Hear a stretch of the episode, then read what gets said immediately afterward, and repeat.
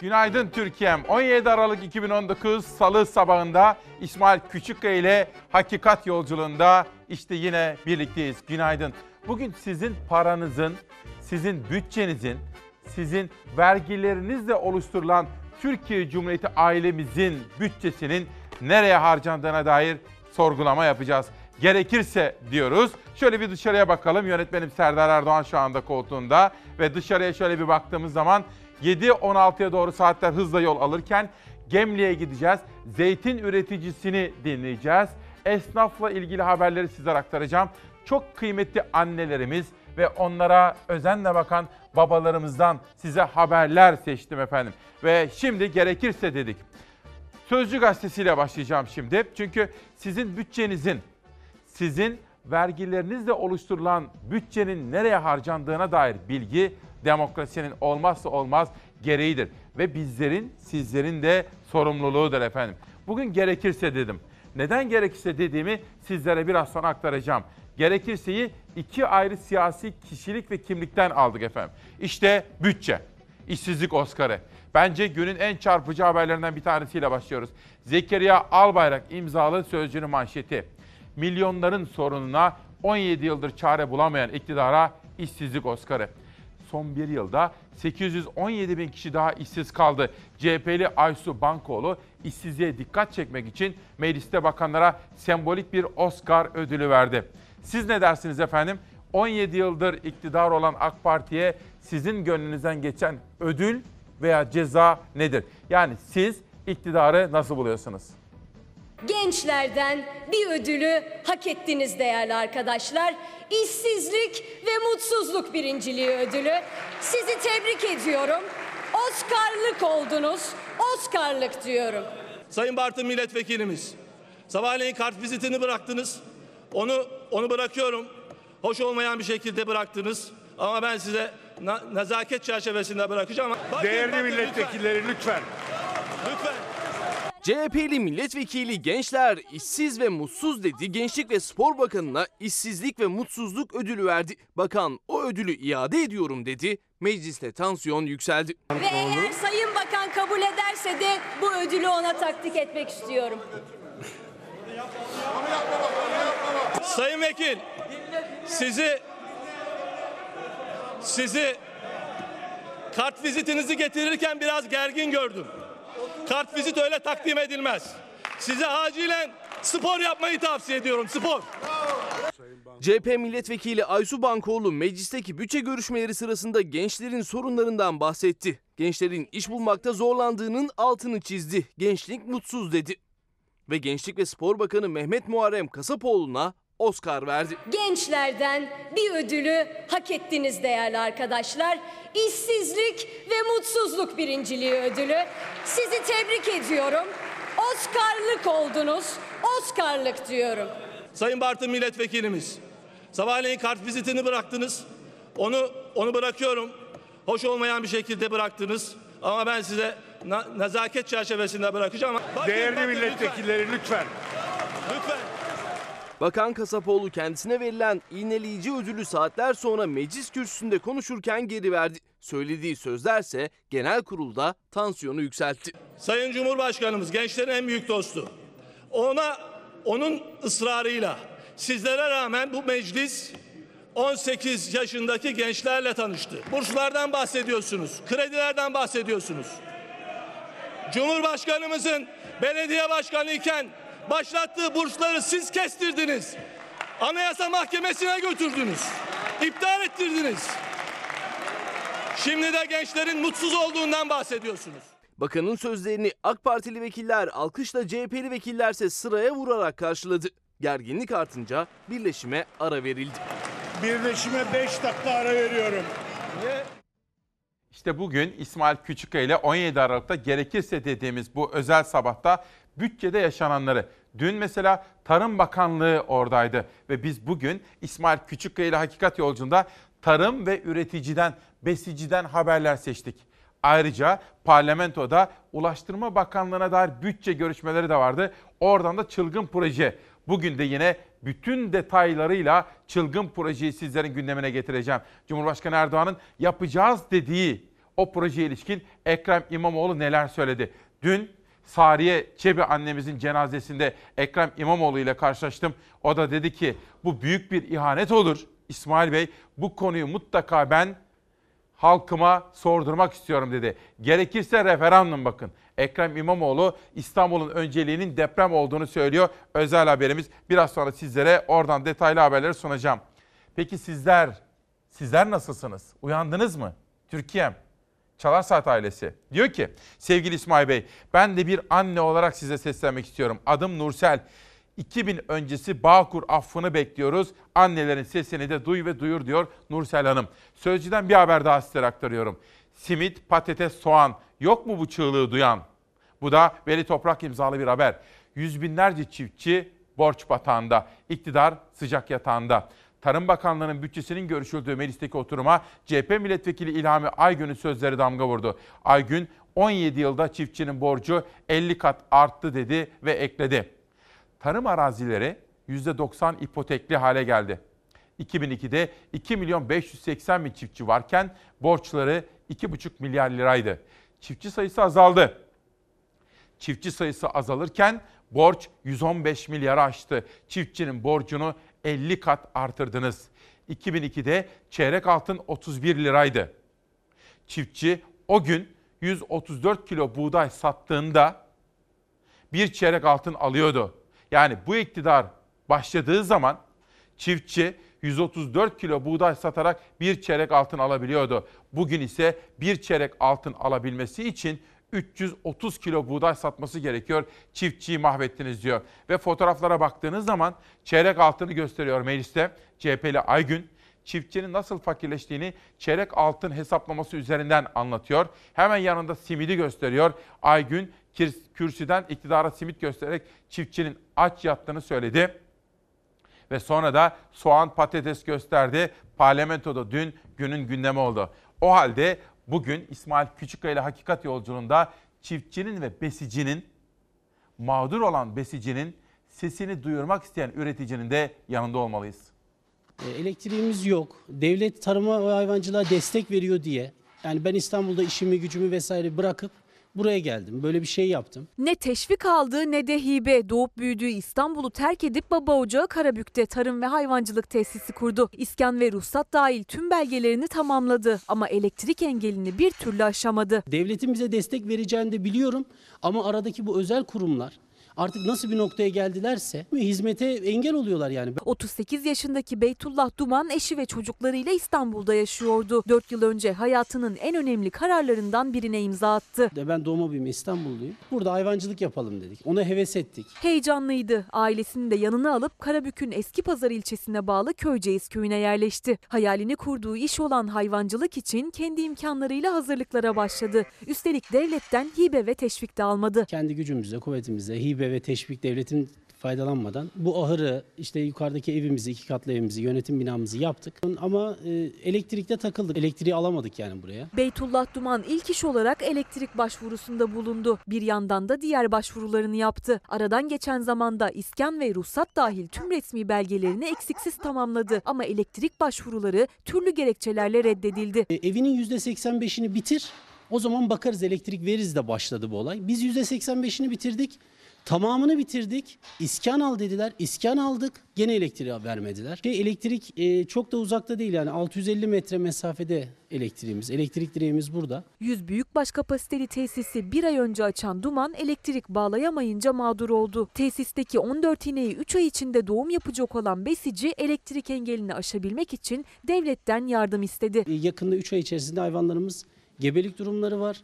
E, süt başlayacak. E, bu tesisi çoğaltmak istiyorum yani hayvanları da yükseltmek istiyorum, arttırmak istiyorum ama İşte böyle. Demek ki bu sabah can sağlığı dilediğim bu özel sabahta 17 Aralık'ta gerekirse dediğimiz manşet attığımız bu anlamlı sabahlardan birinde bütçe, bütçedeki tarım, çılgın proje ve Ulaştırma Bakanlığı ve üretici, besici, esnafa ilişkin haberleri sizlere aktaracağım. Cezaevinden gelen mesajlar, cezaevinde yakını olanlardan gelen mesajlar ve cezaevi mektupları da burada. Gerekirse diyorum. Size nasılsınız diye sormuştum ya. İyiyiz diyor ama derdimiz var. Ercan Mete, İsmail. Gerekirse ülke tarımını kalkındırmak için Tarım ve Hayvancılık Üniversitesi kurulsun diyor. Figen Özbuldu Antalya'dan günaydın. İsmail Bey gerekirse İstanbul için referandum yapılsın diyor. Ben de şunu söylüyorum. Bana da sormuş az evvel adaşım İsmail Bey. Ben çılgın projenin şu an itibariyle zamansız, yersiz olduğunu düşünüyorum. Önceliğimizi, kıt imkanlarımızı depreme karşı alınması gereken depremlere, önlemlere ayırmalıyız diye düşünüyorum. Ve ayrıca eğer varsa bizim böyle milyar milyar dolarlarımız işsizlik, bugünkü manşetimiz bakın. Genç işsizlik %26, her 4 gençten biri işsiz. Ülkemdeki işsizlik oranı %14'e gelmiş. Eğer varsa kaynaklarımız biz işsizliği önlemeye ayıralım, fabrikalar kuralım diyorum. Gazete Pencere. Tahsis var, ihale yok. Kiralama var, kira yok. Tank ihalesini alan, ihale sonrasında Milli Savunma Bakanlığı'nın Arifiye'deki tank palet fabrikasını devralan Ethem Sancak kendisine ayrıcalık sağlanmadığını iddia etti. Televizyonda 4 gazetecinin sorularını yanıtlayan Ethem Sancak, Arifiye'deki fabrika için bir kira bedeli ödenmeyeceğini ilk kez açıkladı. Bir dakika. Günaydın. İyi uyudunuz mu efendim? Burası kritik. Ethem Sancak, Arifiye'deki fabrika için bir kira bedeli ödenmeyeceğini ilk kez açıkladı. Tartışmada en kritik nokta tank ihalesine giren bütün firmalara kazanmaları halinde tank palet fabrikasının kullandırılacağına ilişkin bir bilginin verilip verilmediği idi.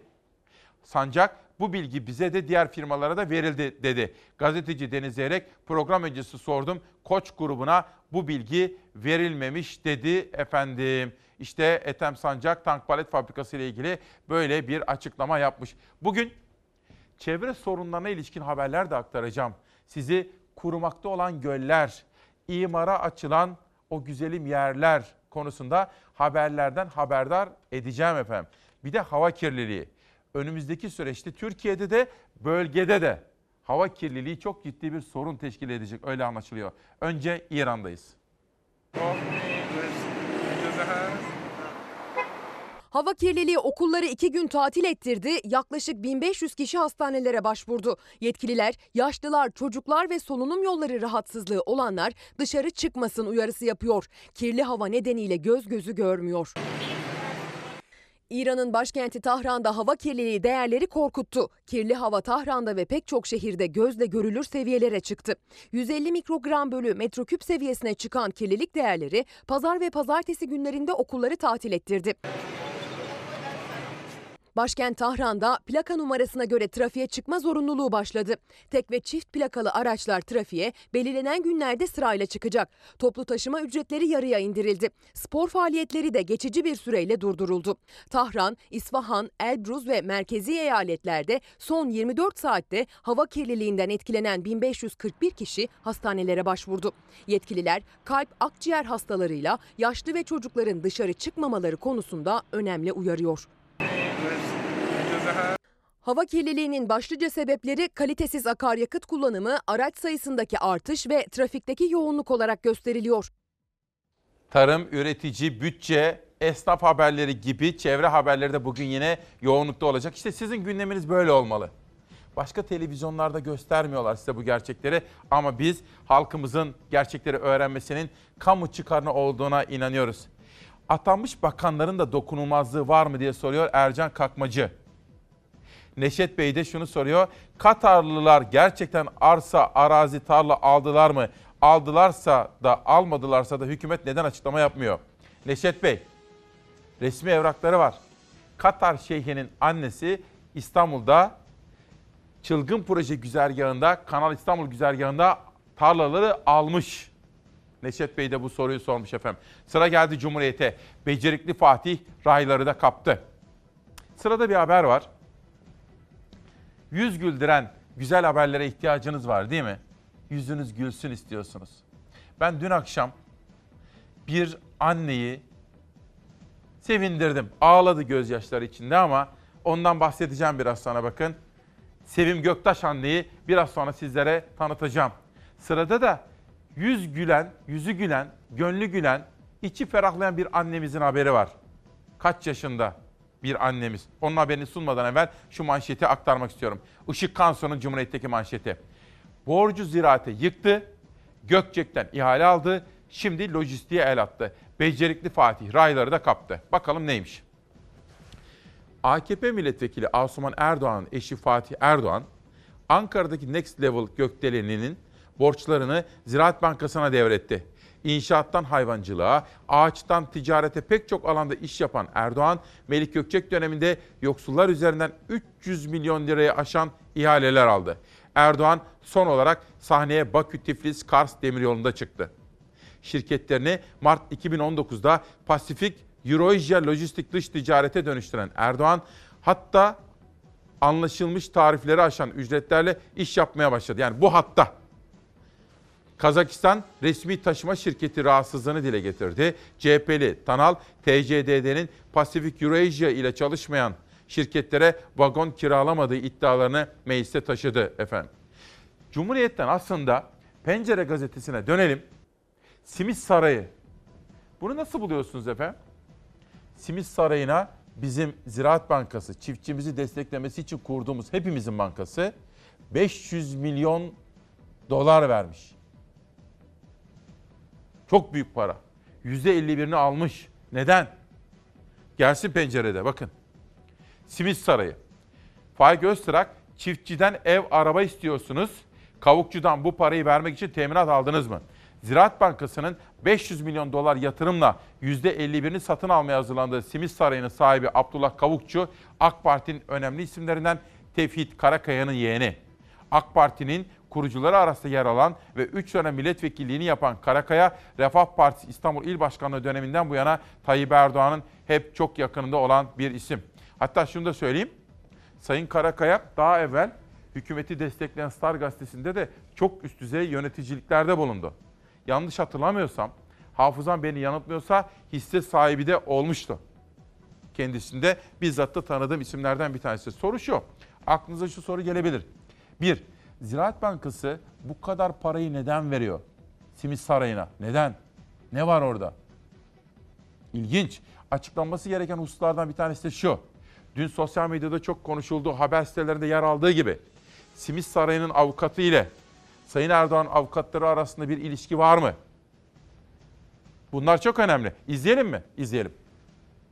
Peşkeş bunun adı peşkeş. Tıpkı Ziraat Bankası'nın Simit Sarayı'na milletin 500 milyonunu peşkeş çekmesi gibi. Çiftçiye gelince tık yok ama simit sarayına gelince Ziraat Bankası'nın vallahi parası çok. Siyaset gün boyu Ziraat Bankası'nın Simit Sarayı hamlesini konuştu. Devlet Bankası Ziraat, Simit Sarayı isimli işletmenin %51'ini 500 milyon dolar almak için rekabet kuruluna başvurdu. Muhalefet ayaklandı. Simit sarayına göstermiş olduğunuz hassasiyeti ben isterdim ki milli tank fabrikamıza göstermenizi.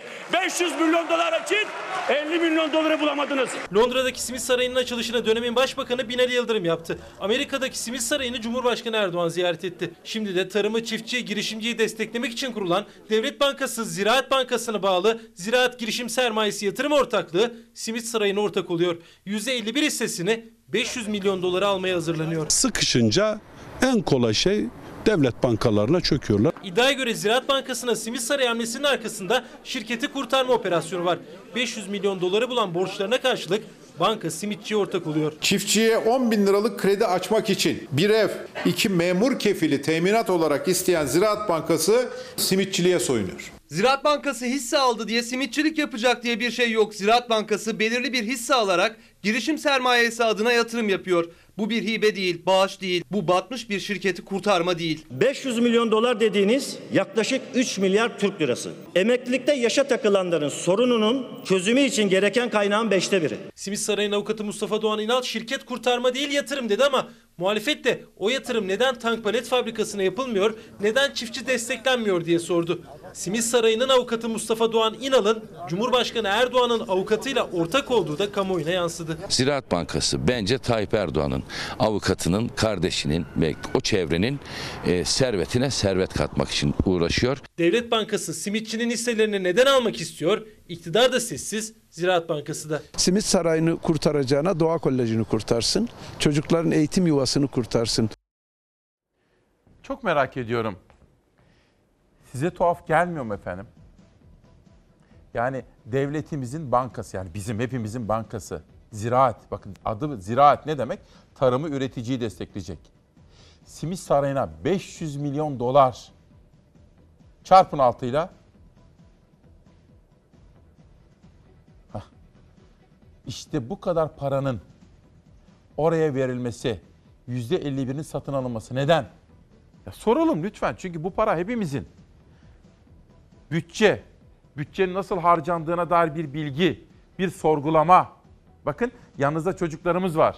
Onlar için her şey değil mi? Yanınızda okula gitmek üzere hazırlanan çocuklarımız var. Onlar sorgulayan bireyler. Onlar düşünen ve kafalarını çalıştıran, soru soran bireyler olsunlar ki gelecekte özgür bireyler olarak güzel bir ülkede yaşasınlar diyorum. Cumhuriyet'ten bir manşet daha sonra hürriyete geçeceğim.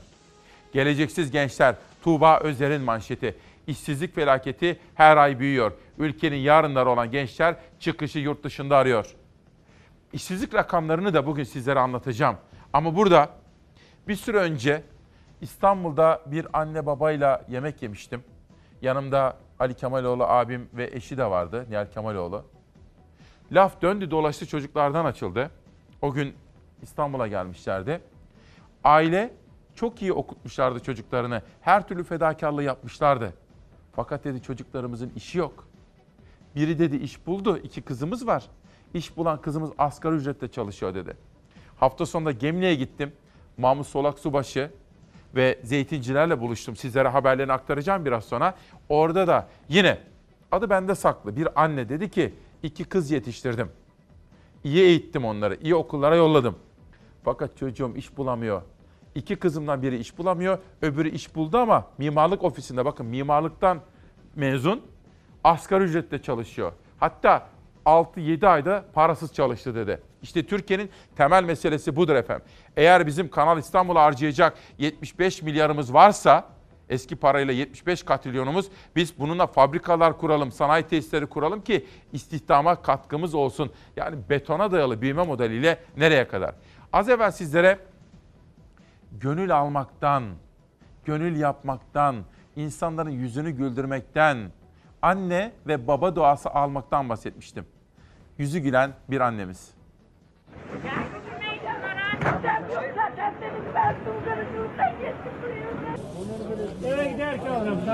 Zabıta sattığı tüm ürünleri toplamıştı. 90'lık Zeynep Nine'nin tezgahının zabıta tarafından kaldırılması tepki çekmişti. Zeynep Nine'nin artık kalıcı bir tezgahı var. Zeynep Karabıyık yıllardır Bursa'da Tahtakale Köylü Pazarı'nda tezgah açıyordu. Tezgahının belirlenen saatlerin dışında açık olması zabıtanın dikkatini çekti. Geçtiğimiz Eylül ayında Zeynep Nine'nin tezgahına zabıta el koydu. Zeynep Nine'nin zabıtaya ağlayarak engel olmaya çalışması yürekleri burktu.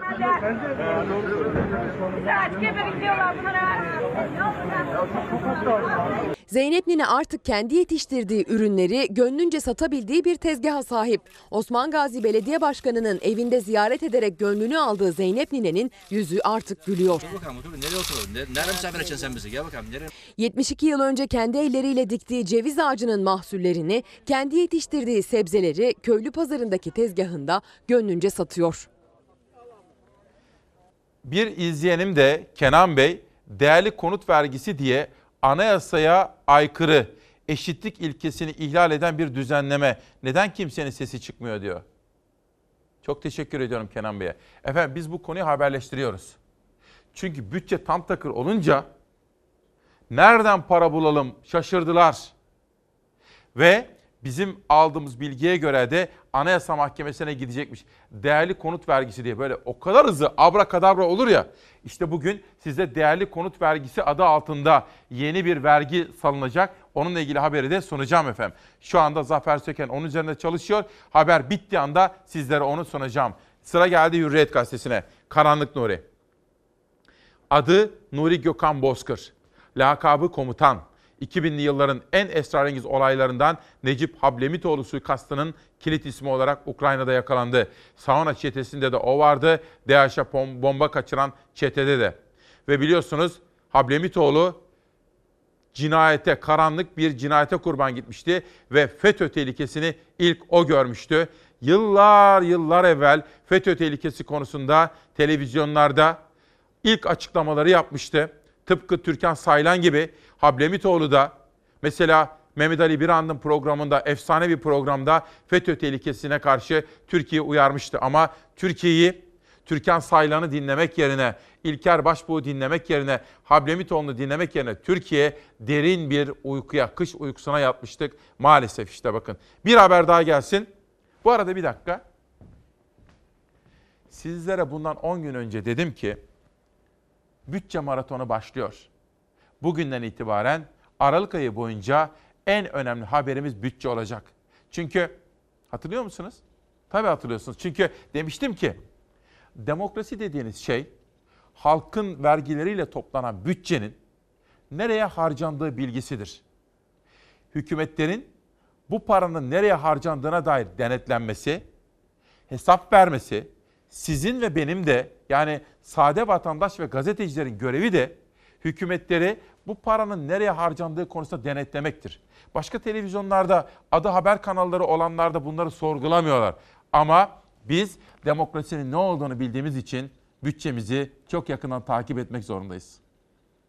O dönemin Sülün Osman'ı kişileri dolandırırdı. Siz bu dönemin Sülün Osmanları 82 milyonun cebini hortumluyor. Mecliste 2020 bütçe görüşmelerinin en sıcak başlığı yap işlet devlet projeleriydi. CHP ve İyi Partili vekiller verilen garantiler üzerinden eleştirdi hükümeti. Cevap AK Parti Grup Başkan Vekili Bülent Turan'dan geldi.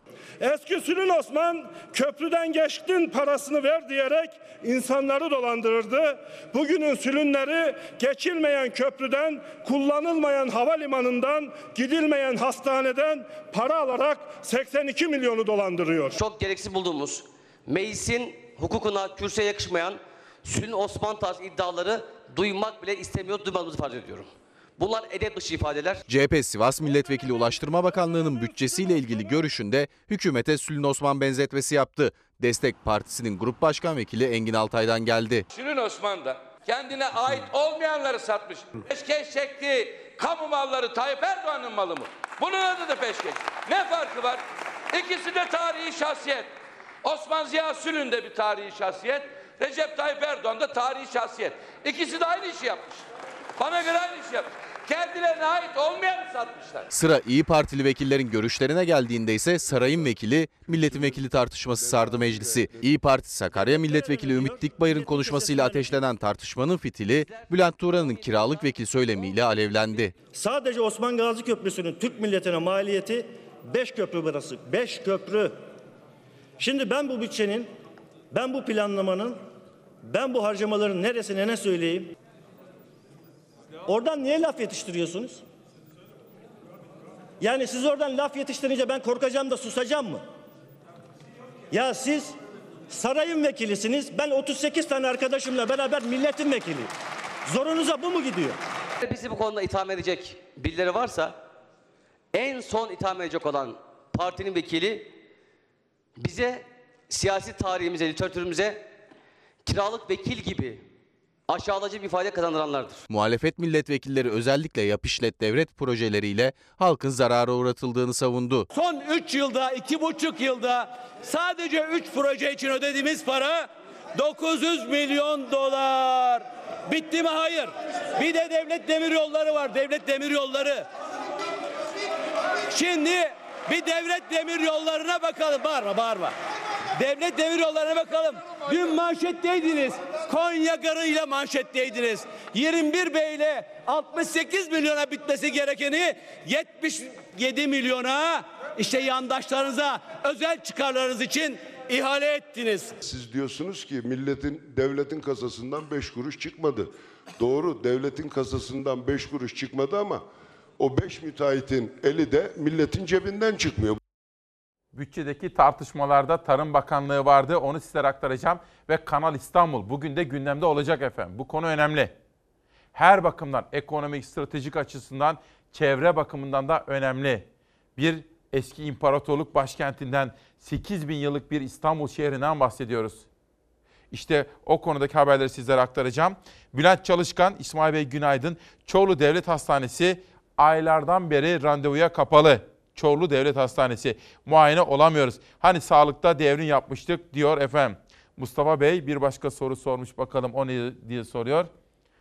Katarlarla ilgili bir soru soruyor Mustafa Bey. Az evvel konuştuk. Şunu söyleyeyim. Ekrem İmamoğlu diyor ki Kanal İstanbul güzergahında bütün arsa, tarla, arazi ve mülk satışlarını el değiştirmelerini inceliyoruz. Hani Katarları soruyordu ya Mustafa Bey.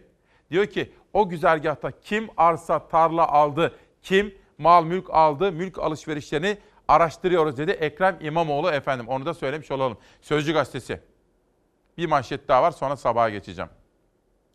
Simitçi kurtuldu. 45 bin öğrenciyle 6 bin öğretmeni kim kurtaracak? Maaşlarını alamayan Doğa Koleji öğretmenleri dün iş bıraktı. 15 ildeki 214 okulda eğitim durdu. Veliler devlet 500 milyon dolar verip simitçiyi kurtardı. Bizi kim kurtaracak diye sordu. Bir soru. Efendim devletimiz bize ait bankadan, Ziraat Bankamızdan Simit Sarayı için 500 milyon dolar verdi ve oranın %51 hissesini aldı. Bunu sormanız gerekiyor. Hangi partiye oy veya gönül verirseniz verin. Bunu sormanız gerekiyor. Sorun, bunu öğrenin. Neden? Bize mantıklı, ekonomik rasyonalitesi olan yani ekonomik açıdan açıklanabilir bir bilgi vermeleri gerekiyor. Çünkü özgür ve demokratik ülkeler işte böyle çalışır. Şunu da sorabilirsiniz. Haberde izleyeceksiniz. Bir milletvekili diyor ki Simit Sarayı'nı kurtaracağına neden bu okulu kurtarmadın? Mesela bu da bir soru. Eylül ayının %70'i ödenmemiş durumda. Kasım ayının tamamı, Ekim ayının da tamamı ve Aralık ayının içerisindeyiz. 3 aydır maaşlarını alamayan ve bekledikleri açıklama yetkililer tarafından bir türlü yapılmayan Doğa Koleji mağduru öğretmenler sessizliğini bozdu. Öğretmenlerin bir kısmı Ataşehir'deki genel müdürlük binası önünde toplandı. Öğretmenler girmeyince veliler çocuklarını alıp gitmek zorunda kaldı. Aylardır maaşlarını alamayan öğretmenler için bugüne kadar hep veliler eylem yapmıştı. Bu kez öğretmenler sokağa çıktı ve bugün iş bırakma eylemi yaparak derslere girmediler. Şimdi de dilekçelerini genel müdürlük binasına teslim edecekler. Türkiye'de en çok şubeye sahip okul olan Doğa Koleji girdiği ekonomik çıkmaz sonrası öğretmen ve personel maaşlarını ödeyemedi. Öğrenciler, veliler, görevliler ve öğretmenler herkes mağdur oldu. Sürecin hızlanmasını ve çabucak sonuçlanmasını istiyoruz. Yani yaklaşık 9 aydır bu sürecin içerisindeyiz. Son 3 aydır da hiç alamıyoruz maaşlarımızı. Ee, bir resmi açıklama bekliyoruz ve durumun çabucak sonuçlanmasını istiyoruz. Kira paramızı ödeyemiyoruz. Diğer fatura giderlerimizi ödeyemiyoruz. Mutfak araç gereçlerine kadar bir ödeme ödeyememe durumu şu an hakim.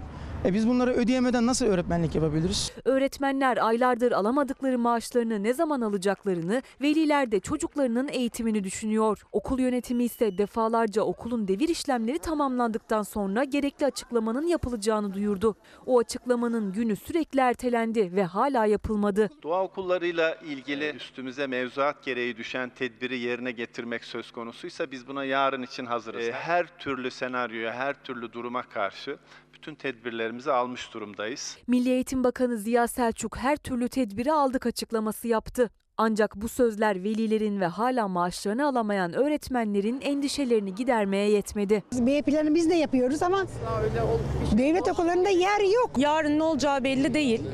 Yarın geldiğimizde kapı duvar olabilir.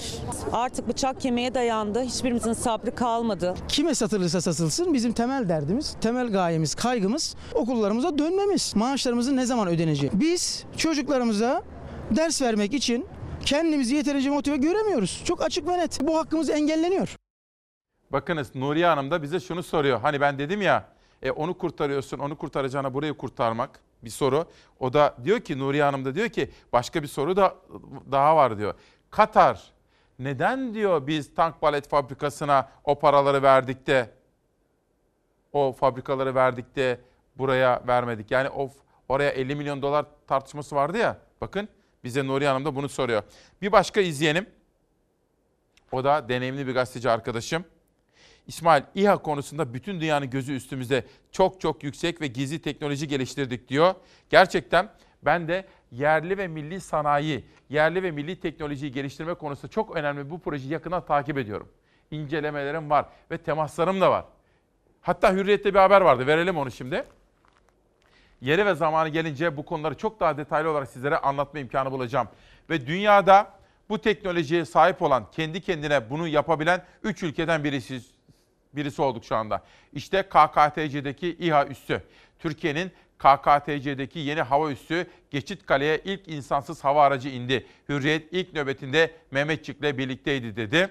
Şimdi terör örgütleriyle mücadelesinde ve Suriye'ye yönelik operasyonlarda, oradaki terör örgütlerine yönelik operasyonlarda kullanıldı. Askerlerimize çok yardımcı oldu. İnsansız hava araçları bizi biz bunu kendimiz üretmeye başladık. Bunu hepiniz artık çok iyi biliyorsunuz. Şimdi Kuzey Kıbrıs'ta da Doğu Akdeniz'de de görev yapmaya başladı insansız hava araçları. Efendim bugün aralığın 17'si. Ha bu arada aralığın 17'si demişken hani düğün günü Hazreti Mevlana'nın da Hakk'a kavuştuğu gün dün Sariye annemizi, Sariye Çebi annemizi son yolculuğuna uğurladık. Onun için dualarımızı yaptık. Allah rahmet eylesin. Ailesine de sabır diliyorum efendim. Konya'ya Vuslat Akını Hazreti Mevlana'nın 746. Vuslat Yıl dönümü bu akşam gerçekleştirilecek Şebi Arus dönemiyle son bulacak. Rumi'nin ne olursan ol gel çağrısı bu yılda yurt içi ve yurt dışından binlerce kişiyi Konya'da buluşturdu. Hazreti Mevlana'nın türbesinde yoğunluk yaşandı dedi. Yarına da bu akşamki törenlerden sizlere haberler aktaracağım. Bu vesileyle Konya'ya da selam, sevgi ve saygılarımızı sunmak istiyorum. Konya'dan sizlere şimdi alıp İzmir'e bir çevre haber için İris Gölü'ne götürüyorum. Bu gördüğünüz alan aslında Karaburun Ildır Yarımadası'nın yani özel çevre koruma ilanı ilanı yapılan adı bölgenin e, en kıymetli sulak alanı çünkü başka yok bölgede. Burası dipsiz göl olmasın, İris Gölü'nü koruyalım diyoruz. Karaburun Yarımadası'nın tek sulak alanı İris Gölü'nün imara açılacağı öne sürüldü. Çevreciler ranta kurban gitmesin diye gölün acilen koruma altına alınmasını istedi. Hiç böyle bu kanallar falan yoktu. Kanallar yeni açıldı ama vatandaş ne bileyim rant mı elde etmek istiyor, ne elde etmek istiyor bilmiyorum. Burası aslında binlerce yıldır var olan bir göl. Mitoloji dahi hikayeleri olan bir göl. İzmir'in Karaburun Yarımadası'yla Ildır Körfezi geçen Mart ayında Cumhurbaşkanlığı kararıyla özel çevre koruma bölgesi ilan edildi. Ancak Yarımada'nın tek sulak alanı İris Gölü kapsam dışı bırakıldı. Çünkü 358 dönüm üzerinde yer alan göl 41 yıldır özel mülkiyete aitti. Adam artısı Buradan besleniyor zaman zaman. E, kara kulak dediğimiz bir tür yırtıcı bir hayvan buradan besleniyor. E, küçük erkeniz buradan besleniyor. Göl tabanına ilk darbe özel mülkiyete geçişinden hemen sonra 70'li yılların sonunda vuruldu. Açılan kanallarla göl kurutulmaya çalışıldı ama göl kendini yenilemeyi başardı. Burası e, kuşların kış aylarında gelip konakladığı yer. İris Gölü yıllar sonra aynı tehditle karşı karşıya kaldı. Nesli tükenmekte olan çok sayıda kuşa ev sahipliği yapan göle tekrar kanallar açıldı. Yaşanan tahribat fotoğraflara da yansıdı. Karaburun Kent Konseyi tıpkı Dipsiz Göl gibi İris Gölü'nün de kurutulacağını ardından da imara açılacağını öne sürdü. Dibinde arkeolojik kalıntılar olduğuna dair, hazineler olduğuna dair bir e, bilgiyle, e, söylemle bir gölü kuruttular. Bütün hayvanlar su içiyor, geliyor burada zaman geçiriyor. Biz eskiki halini istiyoruz işte kalmasını istiyoruz. Eskiki şekilde kalmasını istiyoruz. Gelişmelerden endişe duyan yöre halkı gölün kamulaştırılarak koruma altına alınmasını talep etti. Devletten beklentimiz e, özel mülkiyette olan bu arazinin yeniden yeryüzüne devredilmesi. Demek ki gerekirse dediğimiz bu özel sabahta 17 Aralık'taki İsmail Küçükkaya ile Hakikat Yolculuğunda tarım, üretici, çevre haberleri, meclisteki bütçe görüşmeleri ve çılgın projeye ilişkin haberler odak konumuz olacak efendim. Bunlar sizin geleceğiniz konusunda önemli. Şu anda okula göndermek üzere hazırlıklarını yapan çocuklarımızın nasıl bir ülkede yaşayacaklarını anlamak bakımından önemli. Sorgulayan zihinlere sahip olmamız gerekiyor.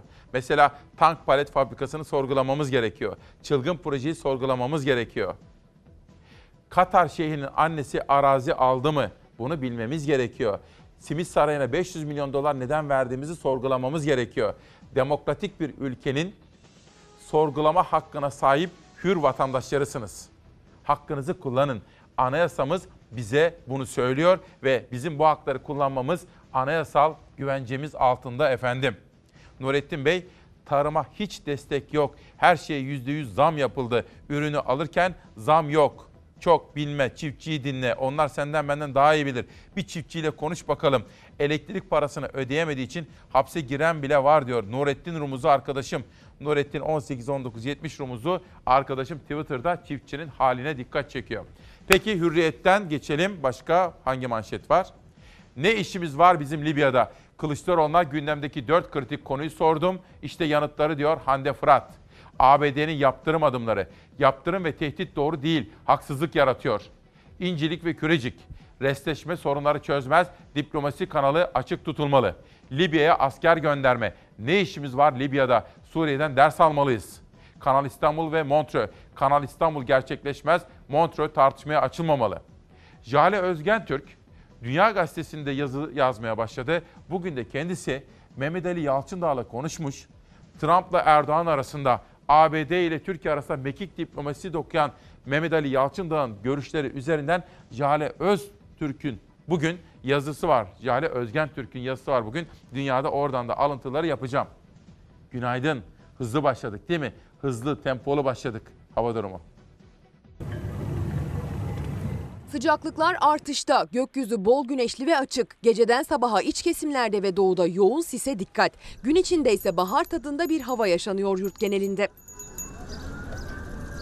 Bu hafta hava yurdun tüm kesimlerinde Aralık değil de Mayıs ayındaymışız gibi hissettirebilir. Yurt genelinde bol güneşli bir gökyüzü var. Yağıştan eser yok. Dünden bugüne sıcaklıklar yurdun batısında ve Karadeniz'de 3-4 derece birden artacak. Ege, Akdeniz ve Karadeniz'in iç kesimlerini de içine alacak şekilde yurdun tüm iç kesimlerinde ve doğuda sis ve pus var. Marmara bölgesi genelinde de sisli hava görülüyor. Yüksek basıncın etkisiyle hemen hemen tüm yurda çöken sisli hava geceden sabaha yoğun. Özellikle sürücülerin hafta boyunca sisli hava konusunda tedbiri elden bırakmaması gerekiyor. Salıdan çarşambaya sıcaklıklar birkaç derece daha artacak. Güneşli gökyüzü ve güneyden esen lodos şeklindeki rüzgarın da etkisiyle hissedilen sıcaklıklar ölçülen sıcaklıklardan birkaç derece daha yüksek olacak bütün hafta. Ufukta pazar gününe kadar hatırı sayılır bir yağmur ihtimali görünmüyor. Pazar günü Ege'de yeni bir yağışlı hava etkili olmaya başlayabilir. O zamana kadar bahar tadında günler yaşamaya devam. Sırada Sabah gazetesi var, akabinde Bir Gün gazetesi var. İki ayrı gazete üzerinden Türkiye okuması yapacağım. Yaprak Çisem. Eksiğimiz Kanal İstanbul değil, önceliğimiz havalimanları, köprüler değil. Önce eğitim, atanamayanlar, işsiziz, işsizler için iş yapılsın. Gerekirse malı mülkü satalım, eğitime harcayalım diyor Yaprak Çisem. Hava durumuna biraz daha yakından bakalım. Önümüzdeki 10 gün içerisinde bir kar yağışı söz konusu değil. Hava düşme beklemiyoruz, kış beklemiyoruz. Kışı beklerken gözlerimiz yollarda kaldı yine. Aralık ayının ilk yarısı geride kaldı ama ne sıcaklıklarda beklenen düşüş gerçekleşti ne de yeterince yağış düştü toprağa. Önümüzde sıcak ve yağışsız bir hafta var. Yurdun pek çok kesiminde bol güneşli gökyüzü mevsimi adeta bahara çevirdi bile. Güney sahillerde denize girenler sanki Aralık ayı değil de Mayıs ayındaymışız gibi bir manzara oluşturdu. Görüntüler arşivden değil, Antalya'nın Alanya ilçesinde haftanın ilk iş gününde çekildi. Hava sıcaklığının 21, deniz suyu sıcaklığının yaklaşık 20 derece olduğu Alanya'da yerlisi yabancısı denize girdi. Samsun'da da son 9 yılda hiç bu kadar sıcak aralık yaşanmamıştı. Samsun Meteoroloji 10. Bölge Müdürlüğü küresel iklim değişimine vurgu yaptı. 2018 yılı ülkemizde en sıcak ikinci yıl olmuştur ve en sıcak il- yılımız da 2010 yılı olmuştur. Ve bu küresel olarak bu iklim değişikliğinin önümüzdeki yıllarda da devam etmesini bekliyoruz. Bahar tadında geçecek hafta boyunca sadece Samsun'da değil, Ege'de, Akdeniz'de, Marmara'da, Karadeniz bölgesinin batı ve orta kesimlerinde ve İç Anadolu'da bol güneşli, ılık ve yağışsız günler bizi bekliyor. Soğuk ve yağışlı hava içinse umutlar yeni yıla kaldı şimdilik. Yeni yılla birlikte veya aralığın son haftasında birlikte havaların tekrar soğuyarak mevsim normaline düşmesi özellikle iç kesim ve yükseklerde yağışların zaman zaman kar şeklinde devam etmesini bekliyoruz.「Yurdun doğusundaysa sıcaklıklar mevsim normallerine nispeten yakın. Geçtiğimiz hafta etkili olan kar pek çok şehirde özellikle yüksek kesimlerde beyaz örtü olarak varlığını koruyor. Dondurucu soğuklar buzlanmayı da beraberinde getiriyor. Sıcaklıklar haftaya başlarken Kars'ta eksi 3, Ardahan, Ağrı ve Erzurum'da eksi 1, Tunceli ve Erzincan'da eksi 2 dereceye kadar düştü. Öte yandan sis nedeniyle göz gözü görmüyor pek çok şehirde. Yurt genelinde yüksek basınç var. Neden olduğu sisli hava özellikle gece ve sabah erken saatlerde doğuda çok daha yoğun hissediliyor. Sisli hava en çok ulaşımı aksatıyor. Demek ki gerekirse dediğimiz bu anlamlı sabahta 17 Aralık özel gününde üretici, esnaf, çiftçi, meclisteki tartışmalar ve Tarım Bakanlığı üzerinde manşetler. Simit Sarayı ve Katarların İstanbul güzergahı üzerinden aldıkları iddia edilen araziler bunlar manşette. Bir de Kanal İstanbul'a biraz daha yakından da bakacağız. İlerleyen bölümlerde bir hukuk duayeni bizimle olacak. Bunun dışında bana ulaşan sen annelere kıymet verirsin. Ben evladımı kaybettim. Tek evladını kaybetmiş bir anneyim ben. Benim sesimi duysa duysa sen duyar ve sen duyurursun diyen o annenin sesini sizlere duyuracağım biraz sonra. Ve ayrıca 40 yaşındayım.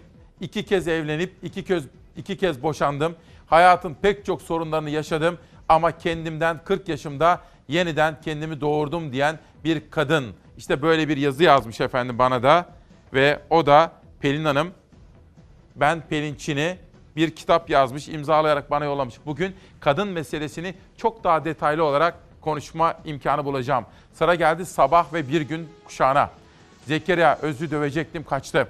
Dün Sabah gazetesinde 17-25 Aralık'a ilişkin dönemin savcısı Çolak Kadın'ın röportajı vardı.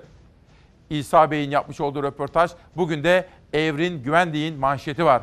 Dönemin İstanbul Emniyet Müdürü Selami Altınok, FETÖ'cü hainlere karşı 17 Aralık sürecinde emniyette verilen müthiş mücadeleyi anlattı. Gazetenin hem birinci sayfasında hem de iç sayfasında tam sayfaya yakın bu röportaj yer alıyor 17-25 Aralık sürecine ilişkin. Sabahtan bir haber daha verelim. Sonra bir güne geçeceğim. Avrupa'da biz ev sahibiyiz.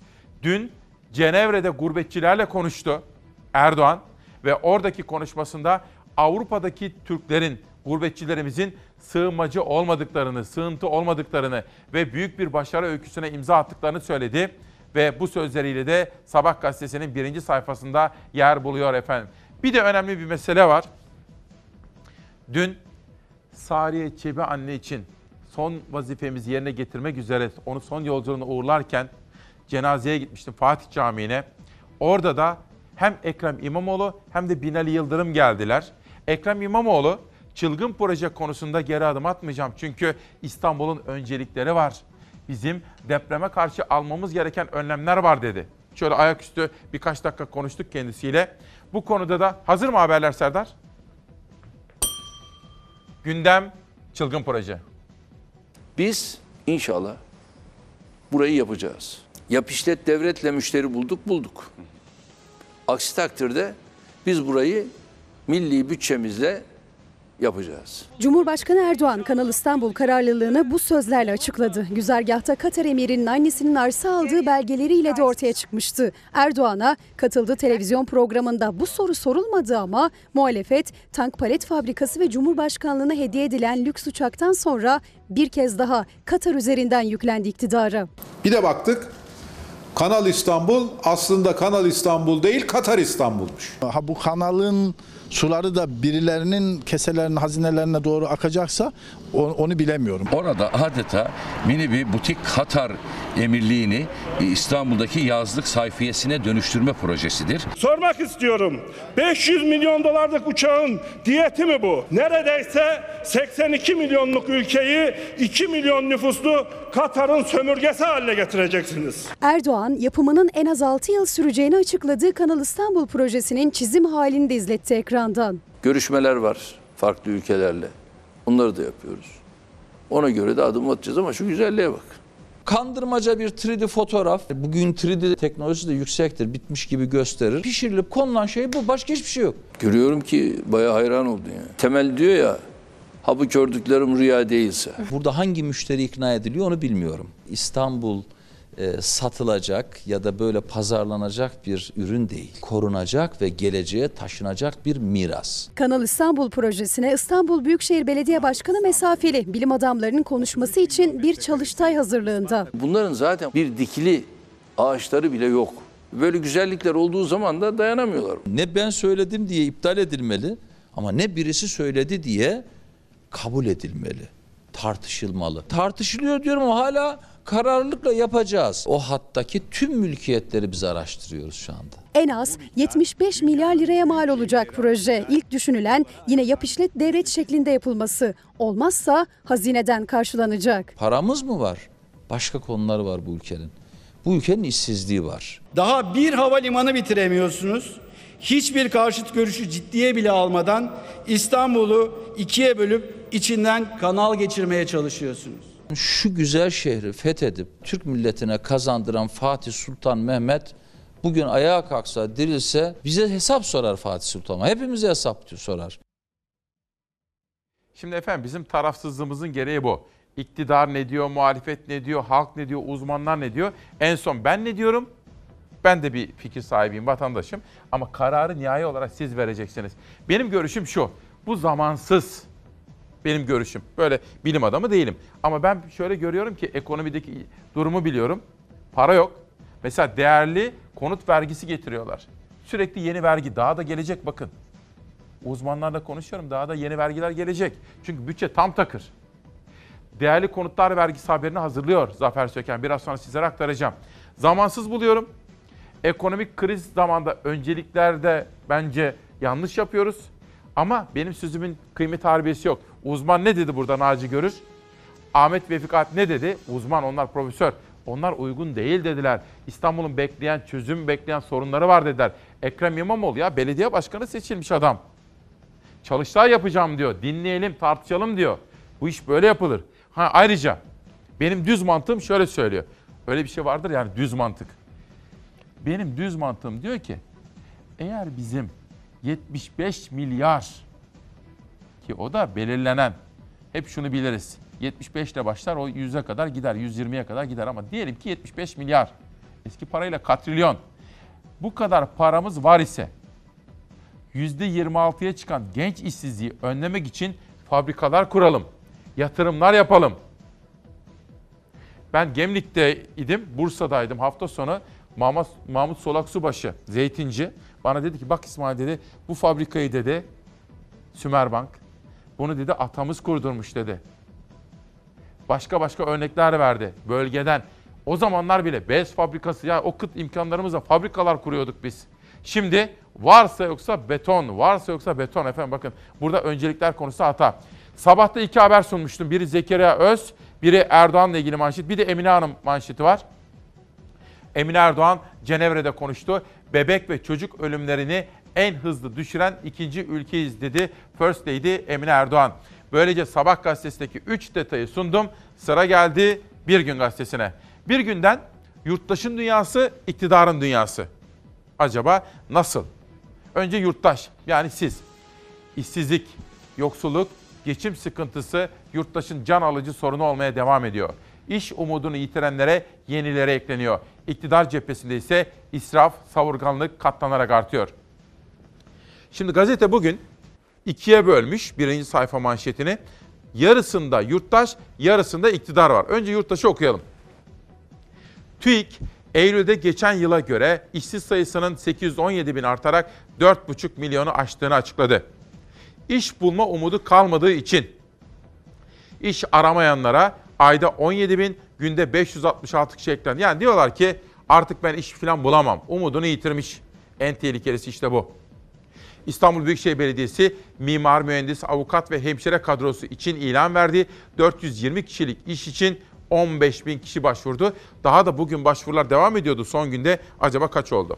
Asgari ücrette 3. toplantı bugün. İşçi yaşamak için en az 2578 lira bekliyor.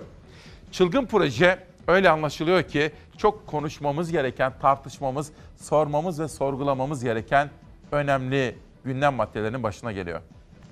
İstanbul Boğazı'na alternatif sağlayacak mal ve can güvenliğinin teminatı olacak Kanal İstanbul'un güzergahını belirledik bu konuyla alakalı doğrudan bilgiye sahip olmayan kişilerin eleştirilerini saygıyla karşılıyoruz. Ancak kimsenin şüphesi olmasın projenin fizibilitesini en ince ayrıntısına kadar yaptık. Anlamamız gerekiyor efendim. Benim görevim bu. Size yardımcı olmak, sormamız ve sorgulamak konusunda yardımcı olmak. Şimdi az evvel yurttaşın dünyasına baktık. Bir de iktidarın dünyasına bakalım. Cumhurbaşkanlığı ödeneği 2.8 milyar liradan 4 milyara çıktı. 11 ayda 3.2 milyar harcandı. Merkezi yönetim bütçesinde Ocak-Kasım döneminde 92.9 lira açık kaydedildi. Bakın burada tabii Bir Gün Gazetesi'nin birinci sayfayı okurken çok daha dikkat edip tahsihlere özen göstermesi gerekiyor. Ziraat Bankası'nın görev zararı 3 milyara dayandı. 3 milyar ne? Mesela 3 milyar lira dememiz gerekiyor. 14 yılda bankanın zararı 23 kat arttı. Mesela bir üstte merkezi yönetim bütçesinde Ocak-Kasım döneminde 92.9 lira açık kaydedildi. 9 ne? 92.9 lira değil o. İşte bunlara biraz daha dikkat etme. Çünkü gazete tabii kıt imkanlarıyla yayın yapıyor bunu biliyorum. Ve basın ilan kurumunu da eleştirdiler çünkü ayrımcılık yaptığını söylüyorlardı. Gazetenin fedakarca kıt imkanlarla yayın yaptığını biliyorum ama yine de oradaki genç arkadaşlarımızın şöyle biz eskiden gazete yaparken de şöyle yapmıştık. Ne yapabiliriz? Haksızlık da yapmak istemem onlara da imkanları kıt ama en azından şunu yapabilirdiniz. Biz akşam gazetesi yapıyorduk. Birinci sayfaya karar verdik. Haberler, manşetler, fotoğraflar. En son bizim Banu Kurt vardı mesela. Banu okurdu yüksek sesle. Biz de etrafında dinlerdik ama böyle tane tane. O zaman cümle hatası, düşüklüğü, kelime, tasih onlardan kurtulmuş olurduk. Ben de naçizane oradaki genç arkadaşlarıma bunu hatırlatmak isterim. Numan Kurtulmuş bir zamanlar neler söylemiş neler. Pınarhisar cezaevine bir üniversiteye orman alanında Yani- inşaat ruhsatı vermediği için mi girdi? Muhtemelen- Şiir okuduğu için girdi. Muhtemelen Numan Bey. o, o şiir bahane edildi. Muhtemelen o şiir bahane edildi. Şimdi Evet. ne oldu da o zaman üç tane beş tane ağacı kestirmeyecek olan başbakan bugün sırf kanalın geçtiği yerde en az diyor en az bir milyon ağacın kesilmesini sağlayacak. Ayrıca onun etrafında oluşacak şehirleşmeler dolayısıyla milyonlarca ağaç daha kesilecek. İşte biz buna dikkati çekmek, bu buradaki çelişkiyi, buradaki tezatı ortaya koymak bakımından e, diyoruz ki hadi bakalım kolaysa gelsinler, kessinler. Her ağaca bir tane has partiliği bağlarız e, ve orada o e, tabiat yıkımının yapılmasına mani olur. Şimdi siz bu haberi izlerken tabii bizim burası da hareketli. Hatta bir gün Ferzan Özpetek geldi buraya şoka girdi bu tempoya. Ama biz burada konuşuyoruz, sohbet ediyoruz aynı zamanda. Hani akıl akıldan üstündür. Serdar diyor ki, abi diyor bir bilim adamı daha çağıralım gerekirse. Bunun fizibilitesi var mı, yapılabilirliği? Uygun mu? Naci Görür nasıl geldi? Başka bilim adamlarını da çağıralım. Tamam. Zeray, Zeray onu da not al. Biz de bugün bunu tartışalım, konuşalım ve yeni hocalar bu proje olabilir mi, olamaz mı, yapılabilir mi, yapılmaz mı? İşte bütün bunları konuşalım diyorum. Milli Gazete, işimiz işsizlik olma. Ben böyle düşünüyorum. Açık söyleyeyim. Benim fikrim bu. Bana deseler ki ey İsmail bu ülkeyi çok seviyorsun ne yapmalı? Odaklanmamız ekonomiye olmalı. İşsizliği önlemeli. Her dört gençten birinin işsiz olduğu Türkiye tablosu uzun süre taşınabilir değildir. Betona dayalı büyüme, bakın betona dayalı büyüme modeli çözüm değil, olmuyor. Her yer beton ama istihdam çakıldı, üretim yok. İki, bakın bir betona dayalı üretim, betona dayalı ekonomi olmuyor. İki, ithalata bağımlı tarım politikaları olmuyor. Tarım Bakanlığı da sınıfta kaldı. Ben böyle bakıyorum. İşsizlik. Son aylarda yayınlanan bir takım ekonomik verilere istinaden ekonomi dengeleniyor dense de işsizlerin sayısı azalmıyor artıyor. Türkiye'de Eylül ayında işsiz sayısı geçen yıla göre 817 bin kişi artarak 4 milyon 566 bin kişiye çıkarken işsizlik oranı da %13.8 oldu. Size soracağım. Haksız mıyım? Yani iktidarımızın, bizi yönetenlerin ekonomiye odaklanmaları gerektiğini söylerken haksız mıyım? Öncelikle yaklaşık maliyetimizi okuyorum. 170 milyon 384 bin 788 Türk lirası 35 kuruş. Yaklaşık maliyeti açıkladılar. 2020 yılı kiralık araç ihalesini başlattılar. Ancak geçerli teklif olmadı. İstanbul Büyükşehir Belediyesi'nin araç kiralama ihalesi ertelendi. Geçici teminat mektupları ve diğer belgelerde eksiklikler vardır. İlk defa Büyükşehir Belediyesi'nde bir ihale canlı yayınlandı. Sosyal medya üzerinden izlenme fırsatı sağlandı. İhale komisyonuna İstanbul Büyükşehir Belediyesi Satın Alma Daire Başkanı Arif Gürkan Alpay başkanlık yaptı. Maliyet 170 milyon 384 bin 788 lira olarak belirlendi. İhale 565 sürücü ve 1826 adet araç için düzenlendi. İki adet teklifte şu anda geçerliliği yoktur. İhaleye giren iki firma teklifini yaptı ancak geçici teminat mektupları ve belirtilen bazı belgelerin eksik olması gerekçe gösterildi ve ihale sonlandırıldı. İki adet istekliliğinde teklif zarfları ihalenin şartlarına uygun değil. O yüzden ihale iptal oldu. Kanun öngördüğü ilan süreleri ve bu süreçler tekrar yaşanıp ihale tekrar gerçekleştirilecek. 5 Eylül'de yeni kapıda ihtiyaç fazlası kiralık araç sergisi yapılmıştı. Sergide lüks araçlar dikkat çekmişti. İmamoğlu ihtiyaç fazlası araçları sistemden çıkararak 5 yılda sağlanacak tasarrufu açıkladı. Bu yıl kiralanan araç sayısı geçtiğimiz yıla göre 606 adet daha az olacak. 50 milyon liralık bir tasarruftan bahsediyoruz.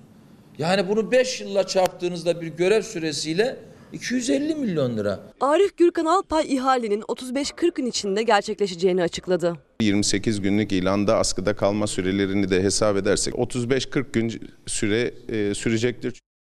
Sosyal medyanın manşetleriyle Türkiye gündemine bakacağız. Biraz sonra bir annenin sesini duyacaksınız. Duymanız gerekiyor. Adalet Bakanlığı'nın, hakimlerimizin, evlat yetiştiren anne ve babaların o anne bana ulaştı. Bu dünyada biricik kızım vardı. Onu elimden aldılar dedi. Neden olduğunu sizlere anlatacağım. Şöyle bakalım. Şöyle 4-5 dakika sonra. Bir dönem Ağrı milletvekilliği yapmıştı İbrahim Taşdemir. Gönlümden Damlalar isimli bir kitap yazmış ve bana imzalayarak yollamış. Bu vesileyle İbrahim Taşdemir'e ve Ağrı'ya da selamlarımı göndermek istiyorum. Bugün ulusal gazetelerin arasına Yeni Asır gazetesini aldım. Çünkü kadın sorununu çözmek, kadının toplumsal hayattaki rolünü artırmak ve güçlendirmek bizim önemli görevimiz. Biraz sonra buraya o annenin dışında bir de hukuk hocası gelecek efendim. Onunla da bu meseleyi konuşacağım.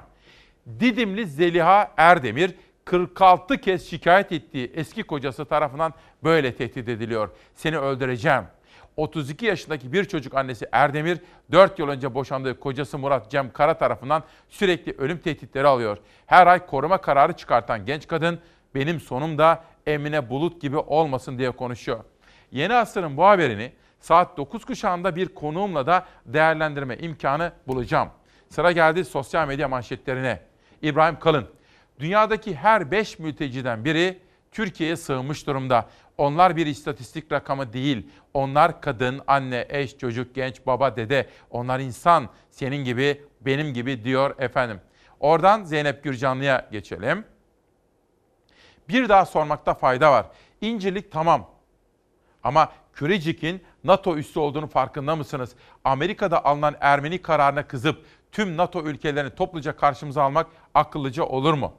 Bugün Dünya Gazetesi'nde Jale Özgen Türk'ün yazısında Türk-Amerikan İş Konseyi Başkanı Mehmet Ali Yalçın'ın bu konudaki uyarıları var. Size özeti yapacağım az sonra. Metin Gürcan. Ne kadar ilginç. Daha geçen sene beka tehdidi olarak Afrin'i konuşuyorduk. Hatırlıyorsunuz değil mi? Afrin'i konuşuyorduk geçen sene. Geçen hafta ne konuşuyorduk? Fırat'ın doğusunu. Şimdi ne konuşuyoruz? Afrin gitti. Fırat'ın doğusu unutuldu. Artık varsa yoksa Doğu Akdeniz ve Libya. Elitlerin eylem söylem paketleriyle meseleleri güvenlikleştirebilmesi bu olsa gerek. Yani diyor ki biz farklı farklı gündem maddeleriyle oyalanırken içeride hangi gündem maddeleri unutturuluyor? Metin Gürcan'ın paylaşımlarından bunu anlıyorum. Hikmet Durgun, Türkiye Libya'ya asker göndermek için hazırlıklara başladı. Hükümet Türk Silahlı Kuvvetleri'nden asker sevki için gerekli gemi ve uçaklarla ilgili çalışmalara başlamasını istedi. Libya ilk etapta SAT ve SAS timleri gönderilecek. Size sormak isterim bir dakika. Günaydın Türkiye'm. Çalar Saat ailesi. Günaydın. Siz ne diyorsunuz? Mesela Libya'ya asker gönderme kararı konusundaki görüşlerinizi sizin de çok merak ediyorum. Erdoğan dün Cenevre'deydi. Cenevre'de bizim oradaki gurbetçilerimizle konuştu. Sadece İsviçre'deki değil. Almanya, Hollanda, Belçika, İngiltere, Fransa ve bütünüyle oradaki gurbetçilerimiz için bakın hangi mesajı verdi.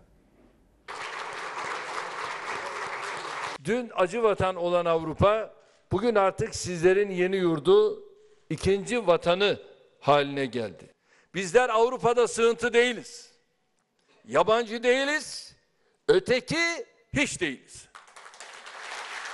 Cumhurbaşkanı Erdoğan Avrupa'da yaşayan Türkler öteki değil ev sahibidir dedi. Avrupalı 6 milyon Türk'ün Türkiye için beşeri zenginlik olduğunu söyledi. Biz tarih boyunca olduğu gibi bugün de Avrupa'da ev sahibiyiz. Cumhurbaşkanı Recep Tayyip Erdoğan İsviçre'nin Cenevre kentinde göçün 50. yılında Avrupa'da yaşayan Türklerle bir araya geldi. Erdoğan gurbetçilerin öneminden bahsetti. Halihazırda tüm kıta genelinde 6 milyon insanımız yaşıyor. Avrupalı Türkler bizim beşeri zenginliğimizdir. Cumhurbaşkanının Avrupa'da yaşayan Türklere önemli bir uyarısı vardı. Asimilasyona uğramayın dedi. Eğitimle kritik makamlara gelmelerini tavsiye etti. İstikbalimizin teminatı olarak gördüğümüz evlatlarımıza daha çok sahip çıkarak asimilasyon çabalarını akim bırakmalıyız. Ve gençlerimizin bulundukları ülkelerde yüksek öğrenime devam ederek kritik makamlara gelmelerini teşvik etmeliyiz. Erdoğan Avrupa'da yaşayan Türklere Türkiye'nin siyasi adımlarından ve ekonomisinden de bahsetti. Terörle mücadelenin süreceğini vurguladı. Son 3 yıl içinde gerçekleştirdiğimiz 3 harekatla hem güney sınırımız boyunca kurulmaya çalışılan terör koridorunu parçaladık hem de Suriye'nin toprak bütünlüğünü garanti edecek kritik bir adım attık. Ülkemiz birlik ve beraberliğinden taviz vermeden hem terörle mücadelesini hem de kalkınma hamlelerini kararlılıkla devam ettiriyor. Cumhurbaşkanı Türkiye'nin ekonomisinin büyüme trendine girdiğini söyledi. Geçen senenin Ağustos ayında ekonomimizi hedef alan kur, faiz, enflasyon eksenli saldırıları hamdolsun boşa çıkardık. Aldığımız tedbirler sayesinde ekonomimiz yeniden büyüme trendine girdi. Dış ticaret açığımız düşerken ihracatımız bu sene rekora doğru koşuyor. Turizmde de tarihimizin en yüksek rakamlarına ulaşacağımızı düşünüyoruz. Elimde bir cezaevi mektubu var efendim. Adı Vural Işık Sakarya'dan yazmış bize. İsmail Bey, ben Sakarya Ferizli L tipi kapalı cezaevinden yazıyorum. Yüksek Türk Adaleti ve bize verdiği ceza. Bir hata yaptım, onun bedelini fazlasıyla ödedim, ödüyorum. Her sabah 7.15'te biz bütün koğuş arkadaşlarımla birlikte müptelanız olduk. Sakın yanlış anlamayın. Bunu size yalakalık yapmak için söylüyor değilim. Biz bu güzel ülkemizin sorunlarının tarafsızca ve özgürce, korkusuzca yayınlandığını, insanlarımıza aktarmaya çalıştığınızı görüyoruz ve size inanıyoruz diyor ve halkımıza soruyor. Biz bir hata işlediysek bile bir şansımız daha olmasın mı diye soruyor. MHP'nin gündeme getirdiği düzenleme ile ilgili Vural Işık bize arkadaşları adına bir mektup göndermiş. Profesör Kürşat Zorlu, işsizlik oranı açıklandı. Genç nüfusta 4,5 puanlık artışla %26 olurken 15-64 yaş arasında bu oran 2,4 puan arttı ve %14,1 olarak gerçekleşti. Elbette üretim, dış yatırım gerekiyor. Ama eğitim sistemindeki yanlışlık ve arz talep uyuşmazlığı göz ardı edilebilir mi diye haklı bir soru soruyor. Bu arada Fenerbahçe'nin yenildiği Sivas'ta, Beşiktaş'ın kendi evinde Sergen Yalçın'ın Yeni Malatya Sporu'na yenildiği hafta, Galatasaray'ın kendi sahasında 2-0 öne geçmesine rağmen son anlarda 2-2 berabere kalarak puanları bıraktığı hafta Trabzonspor kazanabilecek miydi? Öne de geçti. Coşkuluydu ama o da puan kaybetti. Ya Başakşehir o da puan kaybetti. Ne oldu? Rıza Çalınbay aldı başını gidiyor Yiğidoğlar'la birlikte. Bravo. Onun babasını küçümsemek istediler. Oysa onun babası alın teriyle çalışıyordu. Mehmet Eroğlu diyordu ki, Mehmet Eroğlu, bravo. Babası kapıcı diye göya pankart asarak alay etmeye çalıştığınız babası gibi bir emekçi olan Atom Karınca Rıza herkese bir kez daha ders verdi. Çalınbay 3, Yanal 1 dedi. Yalnızca Yanal meselesi değil, Rıza Çalınbay ve Yiğidoğulların bu seneki başarısı olacak gibi değil, olsun. Dün dediğim gibi şampiyon olmalarını bir Beşiktaşlı olarak gerçekten çok isterim.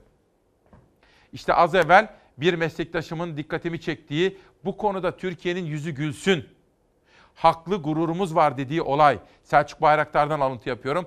Deniz kuvvetlerimizin İHA'sı yavru vatanımızda, semalarımızda hür ve özgür milli teknoloji hamlesi. Bu arada Selçuk Bayraktar'ın organize ettiği o festival vardı ya havacılık ve bilim. Önümüzdeki yıl Gaziantep'te yapılacak. Onun da duyurusunu yapalım. Devlet fabrika mı işletir diyerek şeker fabrikaları satıldı.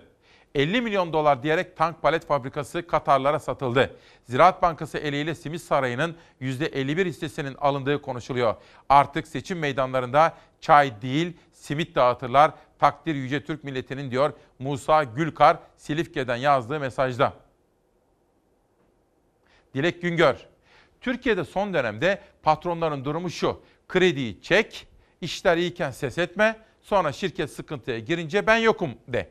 Patronlar şirketlerini cami avlusuna bırakır gibiler. Ama üzgünüm kimse yükümlülükten kaçamaz. TTK 553. madde açık diyor.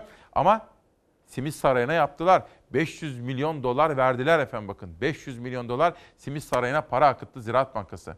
Hisselerin %51'ini aldı.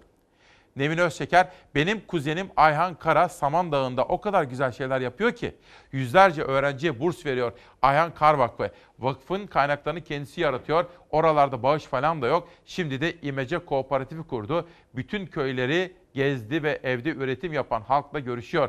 Hatay'ın kendine özgü çok güzel tatları ve üretimleri vardı. Yani bu sene üretici Türkiye dedik ya. Efendim bir dakikanızı alacağım. Herkes uyandı mı? Bakın bana ulaştı.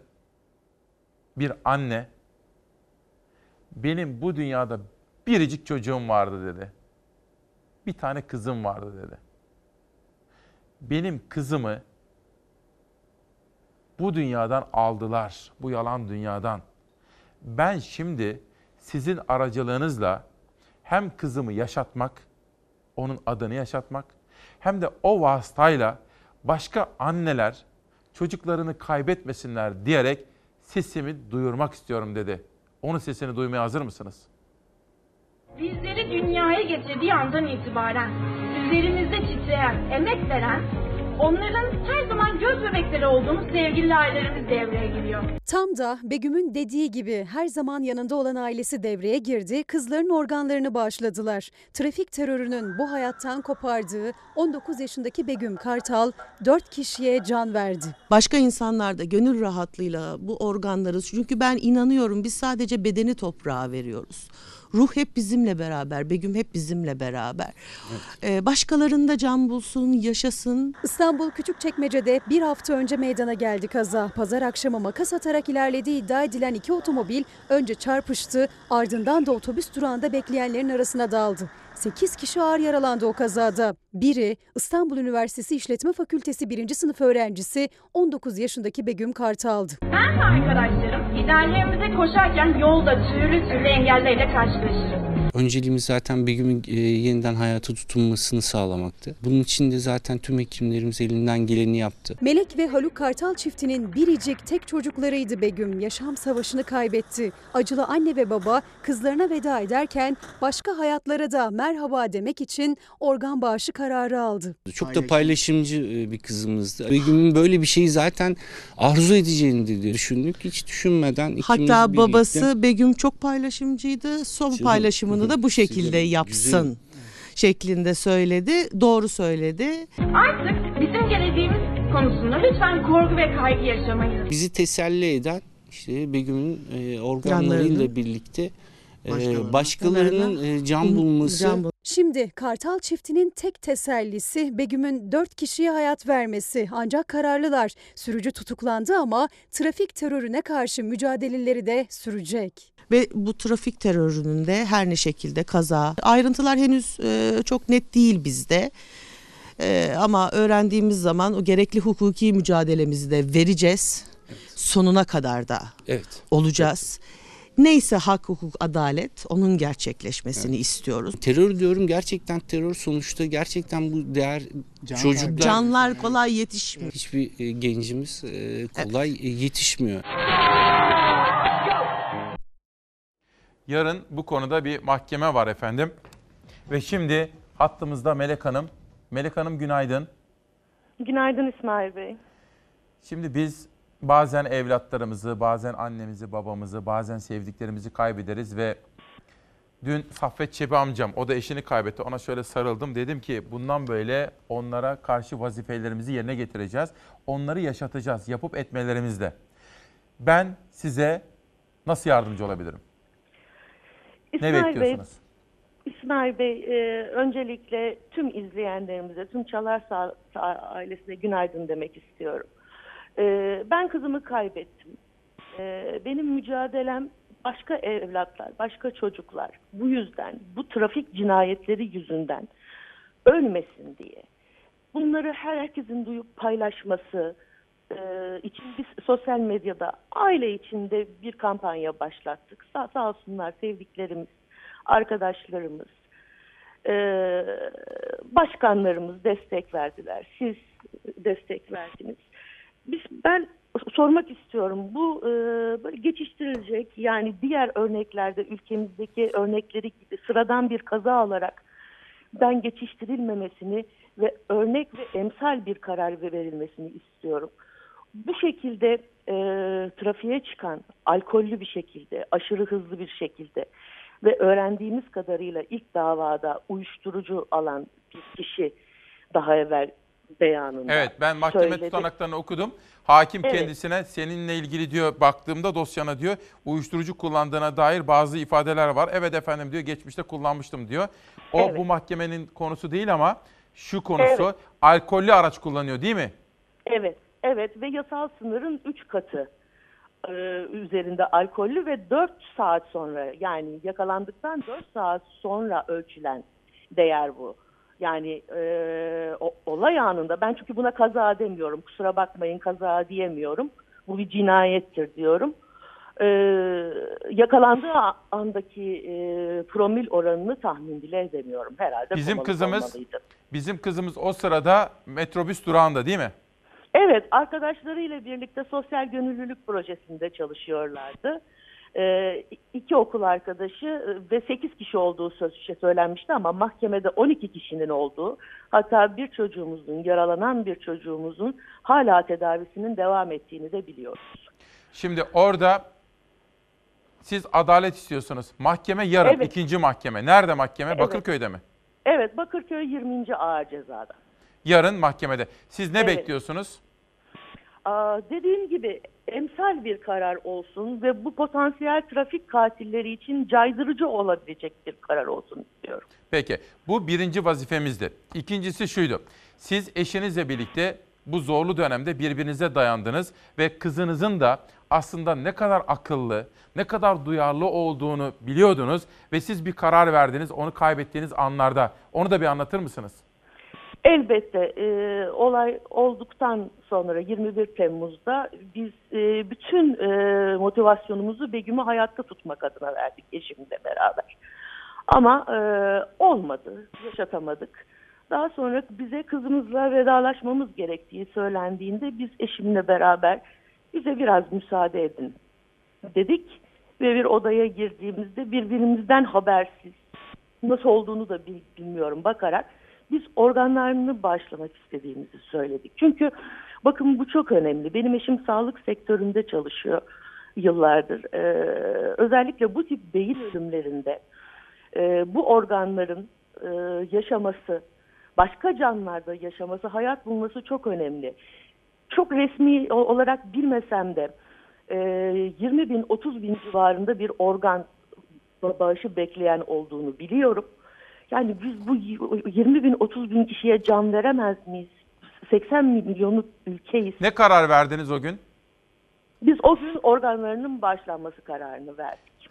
Ve sonradan öğrendiniz ki aslında kızınız da organlarını bağışlamak istiyor. Evet, evet, evet. Çünkü yurt arkadaşı daha sonra ağlayarak bize ulaştığında ya Melek teyze inanamıyorum biz Begüm'le konuştuğunda bana bu kararının olduğunu sö- söylemiş dedi. Bizim bundan haberimiz yoktu babasıyla bir birlikte. Ama eee, onun da isteği ve bizim de isteğimiz çok uygun ve çok doğru bir karar verdiğimizi düşünüyoruz. Ve vicdanımız bu, bu konuda çok rahat. Sevgili Melek Hanım, sizin ve eşinizin yanındayım. yanınızdayım. Her Çok zaman da yanınızda ediyorum. olacağım. Yitirdiklerimizi biz yapıp etmelerimize yaşatacağız. Bundan böyle kızımızı yaşatmak için ne yaparsanız yapın her zaman yanınızda olacağım. Size her zaman destek vereceğim. Çok teşekkür ediyorum İsmail Bey. Sağ Çok olun. sağ olun. Sağ olun Çok efendim. sağ olun. Teşekkür ederim. Evet işte bu önemli bir konu. Sizler sizlerin de farkında varmanızı istedim efendim. Dış dünyadaki gelişmelere de bakacağım. Biraz sonra da önemli bir konuğum daha olacak. Kadın meselesini sizlerle detaylı olarak konuşma imkanı bulacağım. Hindistan ve dünyada yaşanan olaylar. Bu olayları da Beyza Gözeyik kardeşimiz hazırladı. Hindistan'da bir huzursuzluk var. Müslümanlara yönelik ötekileştirici, ayrımdırıcı politikalar ve özellikle vatandaşlık yasasında Müslümanlara dönük dönük ayrımcılıklarla ilgili haberler var Financial Times'ın manşetinde. Bunun haberi hazırlanıyor. Bittiği anda sizlere vereceğim. Geçelim Independent'a. Bakın. Yoğun geçen bir kış, yağışlı geçen bir kış mevsimi ve alınması gereken tedbirler de bir gazetenin manşetinde olabiliyor. Bunu gösterebilmek için de Zafer Söken'le birlikte bu detayı sizler için seçtik efendim. Ayrıca danışmanım Nihal Kemaloğlu'nun katkılarıyla hazırladığım çok özel bir dosya var. Onu da sizlere bugün anlatma imkanı bulacağım. Yani gördüğünüz gibi ekip arkadaşlarım, danışmanım ve ben bugün yoğun bir çalışma sergiledik. Fransa'ya gidiyoruz.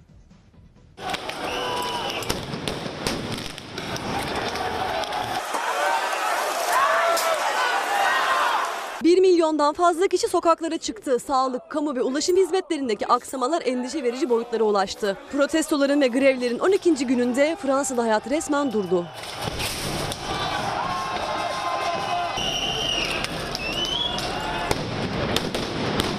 Emeklilik yaşının 62'den 64'e çıkarılması Fransa'da bardağı taşıran son damla oldu. Çok sayıda sektör Macron yönetiminin emeklilik reformunu protesto etmek amacıyla süresiz greve gitti. 4 Aralık'ta alınan grev kararıyla başta Paris olmak üzere Fransa'da birçok kente gösteriler düzenlendi. Fransa son 25 yılın en büyük grevine sahne olurken emeklilik reformu planından sorumlu bakan Jean-Paul Delevoye görevinden istifa etti. Greve gidenler arasında Paris ve çevresinde toplu taşımayı düzenleyen birçok şirket var. Ayrıca Fransız Havayolu Şirketi çalışanları, polisler, doktorlar, öğretmenler, avukatlar, tarım işçileri gibi birçok meslek sahibi var. Fransız Ulusal Demiryolları Şirketi'nin grev nedeniyle her gün 20 milyon euro zarar ettiği açıklandı.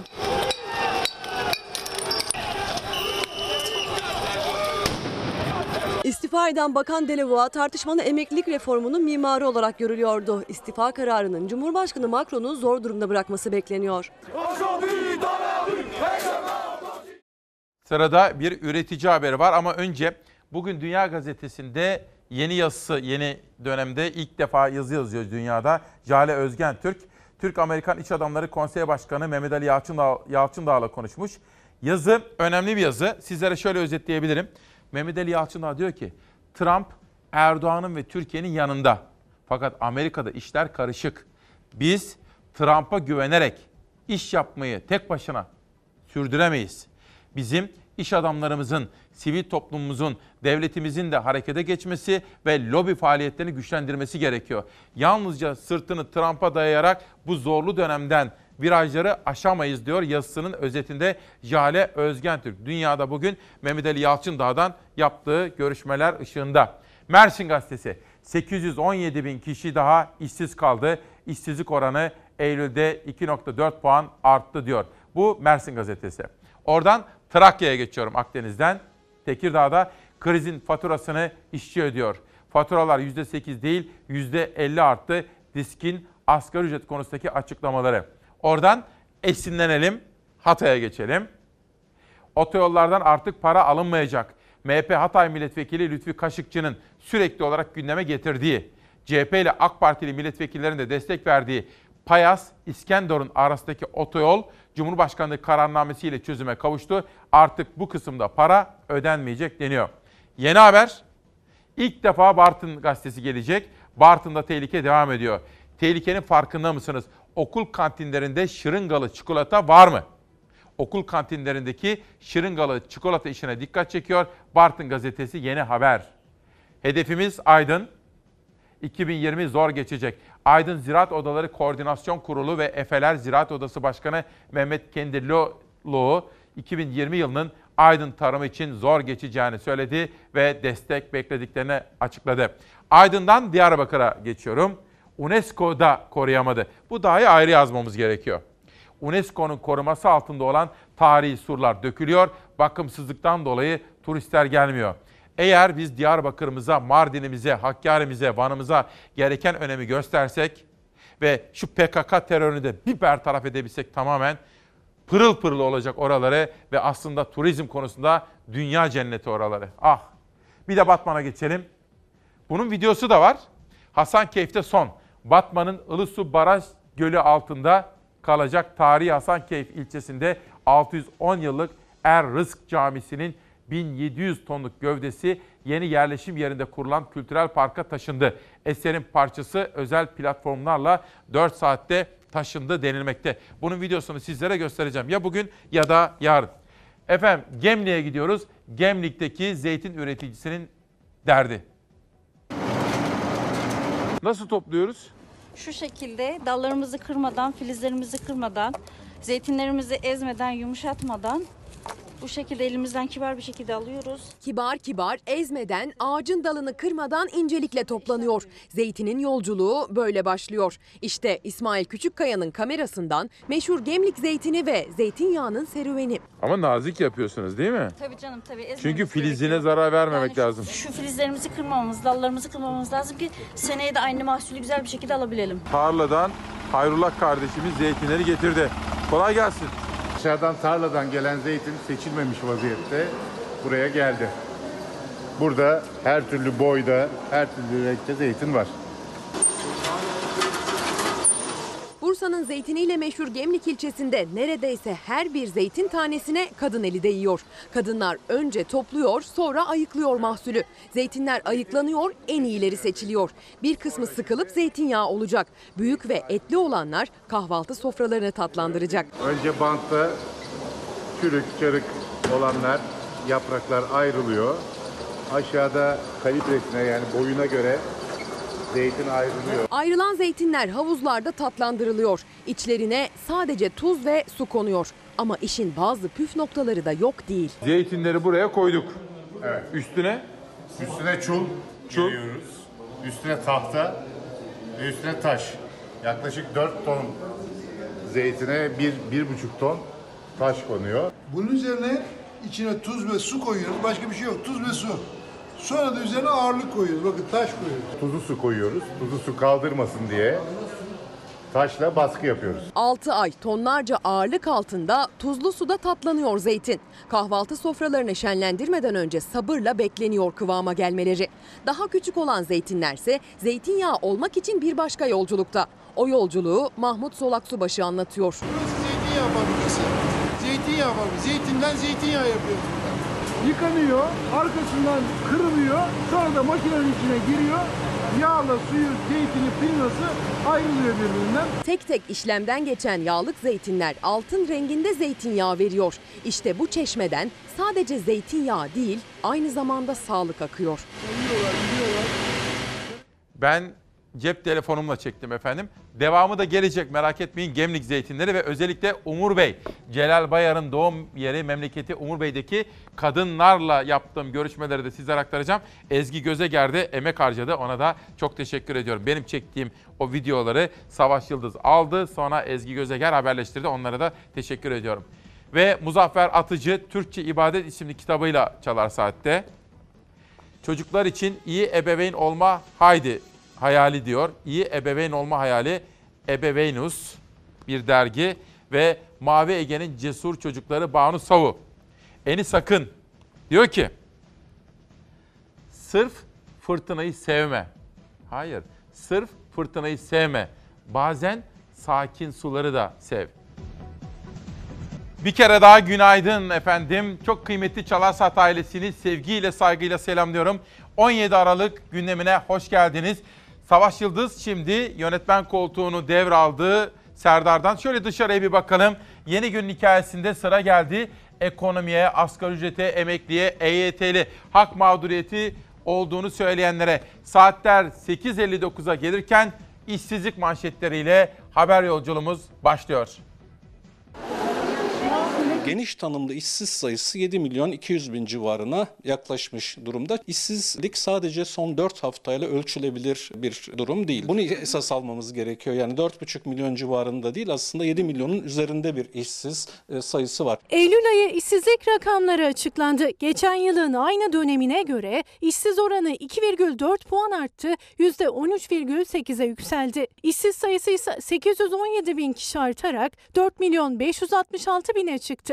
Rakamlar TÜİK'in ancak uzmanına göre TÜİK işsizlikte gerçek rakamları tam olarak yansıtmıyor. Uzmanlara ve sendikalara göre işsiz sayısı 7 milyon 200 bine ulaşmış durumda. Bu e, işsiz sayısı taban 13.8 e, tabandaki en az işsiz sayısını veriyor bize. Yöntemde bir sorun var. Sorun şu, TÜİK son 4 haftada herhangi bir iş arayan ve iş çalışmaya hazır olanları işsiz kabul ediyor. 5 hafta önce iş aramış, 6 hafta önce iş aramış TÜİK istatistiklerinde işsiz kabul edilmiyorlar. Eylül ayında işsiz sayısı bir önceki aya göre 0,2 puan düşüş gösterse de geçen yılın aynı dönemine bakıldığında işsiz sayısı daha fazla. 15 ila 24 yaş arası yani genç nüfusta işsizlik geçen yılın aynı dönemine göre 4,5 puan arttı. %26,1'e ulaştı. 1 milyon 399 bine yükseldi. İki tane dörtte bir var. Bir, her dört gençten biri işsiz. İki, her dört işsizden birisi üniversite mezunu. Üniversite mezunu işsiz sayısı 1 milyon 250 bine yükselmiş e, durumda. Kayıt dışılıkta da artış var. Bir önceki yılın aynı dönemine göre kayıt dışı çalışanların oranı 2,2 puan arttı, %36'ya çıktı. Kayıt dışılık eğilimi artıyor. Bu doğrudan krizle ilgili bir şey. Kriz dönemlerine baktığımız zaman yaklaşık 2-3 puan civarında bir kayıt dışılıkta artış maalesef söz konusu. Bir önceki yılın Eylül ayında 600 bin kişi ulaşan iş gücü sayısı bu yılın aynı ayında 200 bine düştü. Yani iş bulamamak bir yana mevcut çalışanlar işsiz kaldı. Vahim olan şudur. İş gücüne katılım oranı düşerken işsizlik artıyorsa bu mevcut çalışanların işsiz kalması anlamına gelir. İstihdamın son bir yılda 623 bin kişi azaldığını görüyoruz. Ekonomideki gelişmeleri ağırlıklı olarak aktaracağım şimdi. Sırada yine ekonomi var. Acaba CHP bütün bu rakamlara işsizlik, enflasyon, hayat pahalılığı, EYT acaba ne söylüyor? Ona ilişkin bir haber var. Sonra sizlere dün son söz vermiştim. Dün Turgut Kazan'la konuştum. Ayrıca bu konuyu çalışıyordu. Ayrıca Tevfik Bey ile Çalar Saat babası onunla konuştum. Çok sayıda uzmanla konuştum. Zafer Söken de uzmanlarla konuştu. Değerli konut vergisi diye yeni bir vergi getirdiler. Onun da haberi hazır. 5 dakika sonra tam bakın saat 9.01 02 oldu. 5 dakika sonra size de o haberi vereceğim. Gerekirse dediğim bu sabahta bakın. Önce biz İsmail Küçükkaya ile Çalar Saat ailesi vefalıdır efendim. Hasan Ali Yücel, Çağdaş Türkiye'nin, Atatürk Cumhuriyet ilkelerinin, evrensel eğitimin, laik eğitimin en önemli mihenk taşlarından, dönüm noktalarından birisiydi. Bugün Hasan Ali Yücel'i 17 Aralık'ta köy enstitülerinin mimarı olan bu değerli aydınlanmacıyı sevgi ve saygıyla anıyoruz efendim. 17 Aralık. Bugün onun doğum günü. Hasan Aydın. Bir acı haberi daha vermek zorundayım. Profesör Doktor Sevim Tekeli vefat etmiştir. Hocamız için yarın yani bugün 17 Aralık 2019 tarihinde Dil ve Tarih Coğrafya Fakültesi Farabi Fuayesi'nde saat 11'de tören düzenlenecektir. Türk Bilim Tarihi Topluluğu'nun başı sağ olsun diyor efendim ve biz de Profesör Doktor Sevim Tekeli'yi rahmetle son yolculuğuna uğurluyoruz. Çok değerli insanlar. Dün de ben bakın bu fotoğraf iki buçuk yıl önce çekilmişti. Her sabah bizi izleyen, dualarını eksik etmeyen annelerimizden de Sariye annemizi kaybettik. Ona vazifemizi, onu son yolculuğuna uğurladık. Fatih Camii'ne gittik. Sonra Topkapı'daki aile kabristanında onu toprağa verdik. Ben Saffet Çebi'ye de sarıldım. Dedim ki bundan böyle sizin kendinize, bizim de size çok daha iyi bakmanız gerekir. Ailesine sabırlar diliyorum. Sariye annemize de Allah'tan gani gani rahmet ediyorum. Dün hem Ekrem İmamoğlu geldi hem de Binali Yıldırım geldi cenazesine. Mehmet Ağar da geldi. Futbol Federasyonu Başkanı Nihat Özdemir geldi. Sevenleri yalnız bırakmadı son yolculuğunda Sariye Çebi'yi. Ve ekonomi demiştik, işsizlik demiştik. Acaba muhalefet yaşanan gelişmelere, işsizlik rakamlarına nasıl bir yorum ve açıklama getiriyor? Eylül ayında son bir ayda iş arayıp da bulamayanların sayısı geçen yılın aynı ayına göre 817 bin kişi artarak 4 milyon 566 bin kişiye ulaşmış. Buna göre Eylül ayında resmi işsizlik oranı da %13,8 olmuş. Resmi işsizlerin sayısı son 16 aydır kesintisiz olarak artıyor. Son ay, 10 aydır da işsizlerin sayısı 4 milyonun üstüne çıktı ve orada kaldı. Gerçek işsizlik ise yani son bir ayda iş arayanların dışındaki e, daha geniş tanımlı işsizlik rakamı ise bu resmi rakamı ikiye katlıyor. Neydi sarayın vaadi? 2,5 milyon kişiye iş vermek. Ama geldik Eylül ayına. Eylül ayında bırakın 2,5 milyon kişiye yeni iş imkanı vermeyi son bir yılda iş sahibi olan 623 bin yurttaşımız işini kaybetmiş. İşsizler ordusuna katılan her 100 vatandaşımızın 76'sı son bir yılda işini kaybedenlerden oluşuyor. Dünyanın hangi yerinde 2,5 milyon istihdam yaratacağım diye vaat edip 623 bin kişiyi işsiz bırakan bir iktidar o koltukta aslında oturamaz. Sorumluluk bunu gerektirir ama bu konuda kimsenin ağzını açtığı yok. Bu ülkenin umudu gençlerimize iş veremiyoruz. Genç işsizliği de Eylül ayında geçen yılın aynı dönemine göre tam 4,5 puan artarak %26,1 olmuş. Gençlerin işsizlik oranı son 14 aydır hep %20'nin üzerinde. 20-29 yaş arasındaki gençlerimizden ne okulda ne de işte olanların yani evde oturanların sayısı ise son bir yılda 388 bin kişi artarak Eylül'de 4 milyon 293 bin olmuş. Üniversiteli işsizlerimizin sayısı, işsizlerimizin sayısı 1 milyon 250 bin olarak gerçekleşmiş. Her 100 işsiz yurttaşımızdan 27'si üniversite mezunu. Son derece derin ve yapışkan bir işsizlik sorunuyla karşı karşıyayız. Daha önce hiçbir krizde böyle bir manzarayla karşı karşıya kalmamıştık. Çiftçimiz, esnafımız, iş adamımız, işçimiz hepsi perişan. Sırada hem asgari ücrete ilişkin hem de değerli konut vergisine dair haberlerim var. Onları da hazırladık, tamam ettik. Şimdi sizlere onları da aktaracağım. Bu arada Hasan abimiz diyor ki, yani şimdi Ziraat Bankası 500 milyon dolar verince, Simit Sarayı'nın %51'ine sahip olunca, Simit Sarayı'nın çalışanları devlet memuru mu oldu? Gülücük atmış bana. Gülüyoruz ama aslında Hasan abi ağlanacak halimize gülüyoruz. Simit Sarayı neden ziraat tarafından alınıyor? 500 milyon dolar neden? Açıklasınlar. Şeffaf toplum açıklama gereği hisseder.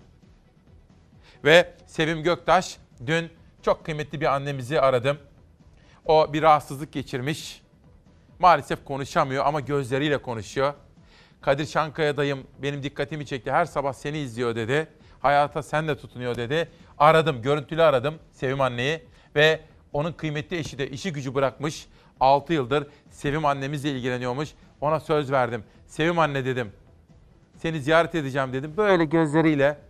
Dolayısıyla dün işte hoca da helallik isterken dedi ki annelerinizin, babalarınızın gönlünü yapın. Ve dualarını buna göre yapmıştı. Anne ve baba gönlünü kırmayın, onların gönlünü yapın diyordu. Hoca güzel dualar ediyordu efendim. Milli Gazete'den işimiz işsizlik olmalı. Açıklanan onlarca ekonomik program verilen sözler sokağa yansımıyor. Bir yıldaki 817 bin yeni işsizle birlikte 4 milyon 566 bin kişi evine ekmek götüremiyor. Ben bizi yöneten iktidarımızdan, hükümetimizden işi gücü bırakıp asıl odaklanmamız gereken husus olan Milli Gazete'nin de yazdığı gibi ekonomide üretim ve istihdam yaratacak projeler, fabrikalar buraya odaklanmaları gerektiğinin altını çiziyorum. Dün Turgut Kazan aradı. İstanbul Barosu'nun eski başkanlarından. İsmail dedi kimseler konuşmuyor. Ama önemli bir mesele var. Hazine tam takır olduğu için vergi üzerine vergi salıyorlar. Değerli konut vergisi adı altında yeni bir vergi geliyor. Şimdi sanki sadece değerli konutlar içinmiş gibi. Anayasaya eşitlik ilkelerine aykırı. Ben dedi üzerinde çalışıyorum dedi Turgut Kazan. Sonra bizim Zafer Söken vergi uzmanlarıyla konuştu. Ben bu konuyla ilgilenen farklı Çalarsat ailesinden mesela Tevfik Bey'le de konuştum. Şunu söylüyorlar. Hem bu mesele hem de bundan böyle işte yok değeri şuradan başlayacak, buradan başlayacak. Peyder Bey zaman içerisinde herkesi etkileyebilecek yeni vergilerin habercisi olabilir diyorlar.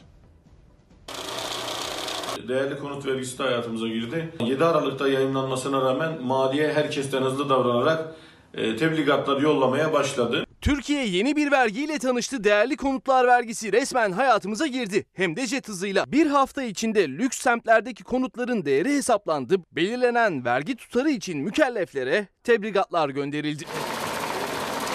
Yeni vergi düzenlemesiyle Türkiye 3 yeni vergiyi öğrendi. Konaklama vergisi, dijital hizmet vergisi ve değerli konut vergisi. Düzenleme Kasım ayı sonunda mecliste kabul edildi. Ardından Cumhurbaşkanı Erdoğan onayladı. 7 Aralık'ta resmi gazetede yayınlanarak resmileşti. Değerli konut vergisi aslında bir nevi e, mülkiyet vergisidir. Bir nevi aslında varlık vergisi sayılabilir. Yeni vergilerden biri değerli konut vergisi. Düzenlemeye göre evinin değeri 5 milyon liradan fazla olanlar binde 3, 7,5 milyon liradan fazla olanlar binde 6, 10 milyon liradan fazla olanlar binde 10 oranında vergi ödeyecek. 3'er milyondan 20 daireniz olsa 60 milyonluk bir servetiniz olsa 1 lira vergi ödemiyorsunuz. Ama babadan kalma 6 milyonluk bir daireniz olduğunda kaç mirasçıysanız ya da kaç kişiyseniz herkes hisseler oranında vergi ödüyor. Bu da vergide adalet ve vergide eşitlik ilkelerde aykırılık oluşturmaktadır. Değerli konutlar vergisi sonrası çok hızlı çalışıldı. Özellikle İstanbul'da lüks semtlerde yaşayan mülk sahiplerine tebligatlar yollanmaya başlandı. Gönderilen tebligatlarda mülk sahiplerine konutlarının hesaplanan değeri iletildi ve vergiye tabi oldukları söylendi. Verginin ilk taksitinin Şubat, ikinci taksitinin ise Ağustos ayında ödenmesi istendi. 15 gün geçmeden tebligatların gitmesi demek ki daha önceden maliyenin bir çalışma yaptığını gösteriyor. Değerli konut vergisinden işsizler ve emekliler muaf tutuldu. Vergi borcu çıkan vatandaşlarsa evlerinin değeri konusundaki itirazlarını 15 gün içinde yapabilecekler. Değerli konut vergisi mülkiyet hakkının korunmasına da e, aykırılık oluşturabilir. Anayasa Mahkemesi yolunun açık olduğunu düşünmekteyim bu anlamda. Şimdi sizden yardım isteyebilir miyim? Benim aklım çalışmadı. Recep Kartal diyor ki, niye böyle ters bakıyorsunuz canım diyor. Devletin bankası yatırım yapamaz mı diyor. Recep Kartal, Baba Kartal 001. Güzel kardeşim açıklama yapsınlar. Simit Sarayı'na 500 milyon dolar Ziraat Bankası'nın yatırım yapmasında bir beis yoksa, bunun mantıki, ekonomik rasyoneliteye uygun bir açıklaması varsa yapsınlar. Şeffaflık bunu gerektirir. Varsa bir hikmeti öğrenelim. Yatırım yapabilir gayet tabii ki. Hüseyin Kılıç, referandum dedik ya hani Kanal İstanbul için. %75 evet yapılsın çıkar çünkü Türkiye'nin yararınadır. Hayırlı olur inşallah diyor Hüseyin Kılıç. Bu da bana göndermiş olduğu mesajında efendim. Enteresan mesajlar geliyor değil mi? Milli Gazete'den Pencere Gazetesi'ne geçiyorum. Suriye konusu manşetlerde. Suriyeliler için İyi Parti'den 3 aşamalı dönüş planı. İyi Parti, Suriyeli sığınmacıların ülkelerine dönüş çalıştayı düzenledi. Çalıştayda dönüş için 3 aşamalı plan belirlendi. Sonuç bildirgesini İyi Parti Genel Başkanı Meral Akşener açıkladı diyor. Yavuz Ohan ve arkadaşlarının çıkarttıkları Pencere Gazetesi'nde İyi Parti meselesi var. Şu birkaç mesajı daha okuyalım bakalım başka neler var. İdam yasası gelsin diyor Mustafa Çoban. Bir taraftan Instagram'a bir taraftan da Twitter'a da bakalım. Osman da diyor ki annelere yalakalık yaparak yolunu bulmaya çalışıyorsun diyor. Bu da acımasız olmuş. Güzel kardeşim. Eğer yalakalık yapacaksan annelere yap. Güç, kuvvet, makam, mevki sahiplerine yalakalık yapmayalım değil mi? Annelere. Yapacaksan yap. Yani adın yalakaya çıkacaksa güç ve kuvvet sahiplerine değil de annelere yalakalık yaparak çıkabilir. Bunda bir beis yok. Suriyeliler meselesi. İyi Parti olarak herkesin kendi vatanında mutlu olduğuna inanıyoruz. Bu gerçekten yola çıkarak hem geçici koruma altındaki Suriyeli misafirlerimizin mutluluğu hem de vatandaşlarımıza mutlu, huzurlu ve müreffeh bir gelecek sunmak için geri dönüş sürecinin acilen başlatılması gerekiyor. İyi Parti herkes kendi vatanında mutludur diyerek Suriyeli sığınmacılar için geri dönüş planı hazırladı. 3 maddelik eylem planını Meral Akşener açıkladı. Planın ilk aşaması kalıcı bir çözüm için gereken adımların atılabilmesi için ihtiyaç duyulacak hazırlık dönemini tanımlıyor. Bu dönemde bir, açık kapı politikası uygulamasına son verilecek. İki, geçici koruma altındaki Suriyelilere vatandaşlık verilmeyeceği ilan edilecek. İyi Parti Genel Başkanı Meral Akşener geri dönüş planının ilk aşaması için vatandaşlık kapısı kapatılmalı dedi. Şam yönetimiyle görüşülmesini önerdi. Suriye yönetimiyle aracısız resmi görüşmeler daha fazla gecikmeden başlatılacak ya da başlatılmalıdır eğer arkadaşlar bu işin peşinden yürüyeceklerse. Haksız rekabeti önlemek için geçici koruma altındaki yabancı işletmecileri kapsayacak bir geçici mükellefiyet kanunu çıkartılacak. Çalışanlardan sigorta katkı payı alınıp vergi kesintisi yapılacak. Akşener bayramlarda ülkelerine giden Suriyelilerin Türkiye'ye geri alınmaması gerektiğini söyledi. Bayram ziyareti, ticaret veya çeşitli nedenlerle ülkelerine giden geçici koruma altındaki Suriyelilerin Türkiye'ye dönüşlerine mevcut kanunlara uygun olarak izin verilmeyecek. İyi Parti'nin geri dönüş planının ikinci aşamasında ise hazırlık evresinden sonra eve dönüş süreci yer aldı.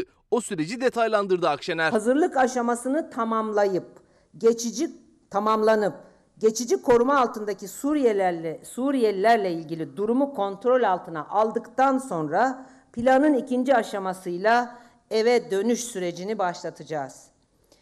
Şam hükümetiyle ortaklaşa kurulacak bir komisyon aracılığıyla geçici koruma altındaki Suriyelilerin Türkiye'ye göç etmeden önce yaşadıkları evlerine, köy, kasaba veya şehirlerine geri dönmeleri için uygun şartlar oluşturulacak. Planın son aşaması ise Suriyelilerin Suriye'de kalıcı bir şekilde kalması olarak tanımlandı Çalıştay'da. Planın üçüncü ve son aşamasında ise geçici koruma altındaki Suriyelilerin geri dönüş sürecinin kalıcı ve sürdürülebilir olabilmesi için atılacak tamamlayıcı nitelikteki adımlara odaklanacağız. Acaba siz ne hissediyorsunuz, ne düşünüyorsunuz Suriyeliler konusunda? Kalsınlar mı yoksa herkes kendi ülkesinde yaşasın, orada barışı sağlayalım mı? Yeni çıkan kitaplar İbrahim Burak Şen, Türk Tarihi, Atatürk'ün Türk Tarihi üzerine konuşmaları ve Kale Emrah Feşel, Expat Sofra, Türkiye'de yaşayan yabancı kadınların mutfak hikayeleri. Bu da yeni bir kitap. Bugün imzalanarak bana gönderilmiş. Aydınlık grubu bugün 3 gündür özel bir manşetle çıkıyor bakın. Kanala değil üretime bütçe. 3 gündür bu konuda hükümeti uyaran, eleştiren manşetlerle çıkıyorlar. Fabrikadan atılan işçiye, tarlasını terk eden çiftçiye, konkordato ilan eden şirkete, EYT'lilere, kredi borcuyla ezilen öğrenciye, açlık sınırının altındaki emekli ve asgari ücretliye kaynak bulamayanlar Kanal İstanbul'a kaynak bulacağını iddia ediyor. Bir dakika. Dikkatiniz dağıldı mı? Efendim grup aydınlık grubu. Hükümeti özellikle FETÖ ile, PKK ile, emperyalizmle mücadelesinde pek çok konuda destekleyen bir grup. Şu cümle bu grubun gazetesinden. Fabrikadan atılan işçiye, tarlasını terk eden çiftçiye, konkordato ilan eden şirkete, EYT'lilere, kredi borcuyla ezilen öğrenciye, açlık sınırının altındaki emekli ve asgari ücretliye kaynak bulamayanlar Kanal İstanbul'a kaynak bulacağını iddia ediyor diyor Aydınlık Gazetesi. Asgari ücret ne kadar olmalı? Asgari ücret desteğinin 2020 yılında 200 TL olarak devam etmesini talep ediyoruz. İşveren daha ilk gün aldığı teşviğe %100 zam istemişti. İşçi için istediği zam oranı da belli oldu. %12. İşveren adına masaya oturan ve teşvik 200 lira olsun diyen TİSK, asgari ücretin 2262 liraya çıkarılmasını istedi. Yani asgari ücretin 242 lira artmasını. Bir masanın etrafında oturuyor, milyonların hayatı hakkında, onların çoluğunun çocuğunun geleceği hakkında karar veriyor. Asgari ücret ne olmalıdır? Net 3200 lira olması gerektiğini söylüyoruz. Unutulmamalıdır ki işletmelere yansıyacak olumsuz etkiler çalışanlarımızı da aynı yönde etkileyecektir. Kameralar önünde işçinin zam beklentisine karşı işsizlik tehdidini masaya koymuştu TİSK Genel Sekreteri. Bugüne kadar da rakam söylemekten hep kaçındı ama Sözcü gazetesinin haberine göre Asgari Ücret Tespit Komisyonu'nun 3. toplantısına ev sahipliği yapmadan önce işverenin zam oranı ortaya çıktı. Yıl sonunda beklenen enflasyon oranı kadar yani %12. 2578 lira yaşam maliyeti öyle mi? Yaşam maliyetin altında falan hiçbir işe oturup konuşmayız. Rekor seviyeye gelen işsizliği indirebilmek için makul ve dengeli bir asgari ücretin tespit edilmesi elzemdir. Yani işverenin makul dediği asgari ücret 2262 lira. Bunun da 200 lirasını teşvik olarak istiyor TİSK. SGK desteğinin %5'ten 6'ya çıkarılmasını, işçi değil ama işveren üzerindeki vergi yükünün azaltılmasını. Gelir dağılımının en kötü olduğu üçüncü ülkeyiz. Asgari ücretle çalışanların oranı yüzde 43. Masada işçiyi temsil eden Türk İş, işverenin teklifine şimdilik sessiz ama asgari ücret 3200 lira olmalı diyen disk işverene de iktidara da tepkili. Asgari ücret tespit komisyonunun 3. toplantısına işveren ev sahipliği yapacak. Evet sevgili izleyenler 17 Aralık 2019 günlerden salı İsmail Küçükkaya ile Demokrasi Meydanı'na hukuk dünyasından çok tanınmış önemli bir isim Kezban Hatemi hocamız geldi. Meselemiz kadın. Uzun yıllardır meselenin bütün bölüm ve boyutlarını inceleyen, özellikle hukuki anlamda çalışan bir hocamız. Kadın meselesini çözmek için çok yoğun çabalar harcıyor ve bugün Çalar Saat ailesine konuk oldu. Hoş geldiniz hocam. Hoş bulduk. Nasılsınız? Teşekkür ederim. Bu ne güzel bir enerji ve dinamizm. Eksik olmayın. Doğrusu e, güç bir iş yapıyorsun. Sağ olun. E, canı gönülden kutluyorum Eksik seni. olmayın hocam. Sizin uzun zamandır bu kadın meselesi konusundaki çalışmalarınızı dikkatle de takip ediyoruz. Önce bir haber izleyeceğiz. Çünkü ilk sorum şu olacak. Hemen onu söyleyeyim. Biz bir vahşetin içindeyiz toplum olarak. Annelerini öldüren bir toplum olabilir miyiz biz? Annelerini. Annesine kıyabilir mi bir toplum? Kız kardeşlerine, kız evlatlarına, sevdiğine, Eşine. eşine, değil mi? Mesela bakın bugün Yeni Asır gazetesi, Sabah grubunun İzmir'deki gazetesi, Didimli Zeliha Erdemir 46 kez şikayet ettiği eski kocası tarafından böyle tehdit ediliyor. Seni öldüreceğim. Ve bu genç kadın 32 yaşındaki Erdemir 4 yıl önce boşandığı kocası Murat Cem Kara tarafından sürekli ölüm tehditleri alıyor. Her ay koruma kararı çıkartan genç kadın sonum Emine Bulut gibi olmasın diye konuşuyor. Siz başka kadınlarımız öldürülmesin diye çok çalışan bir kadınsınız ve bir hukukçusunuz. Haberi izleyelim sonra neden böyle oluyor tartışalım olur mu? Olur. İzliyoruz. Ben artık sesimin duyulmasını istiyorum. Ben Emine Bulut olmak istemiyorum. Ölmek istemiyor 32 yaşındaki kadın. İşte bu yüzden 5 yıldır duyulmayan çığlığının duyulmasını istiyor. Hayatını kabusa çeviren adamdan boşandı ama ölüm tehditleri bitmedi. 46 ayrı şikayette bulundu. 18 duruşma geçti. Ama adaletten onun ve çocuğunun hayatını koruma altına alacak bir karar çıkmadı. Tehditler savuran adam dışarıda ve tehlike devam ediyor. Eğer adalet olan bir ülkeysek gerçekten adaletini artık görmek istiyorum. Aydın Didim'de yaşayan Zeliha Erdemir'in her anı korkuyla geçiyor. 2011 yılından yani evlendiğinden bu yana şiddete karşı koymaya çalışıyor. Hamileyken de şiddet gördü. Dayanamadı, 3 yıl önce boşandı ama rahat bir nefes alamadı. Görüşme bahanesiyle çocuğu alan adam onu kaçırdı.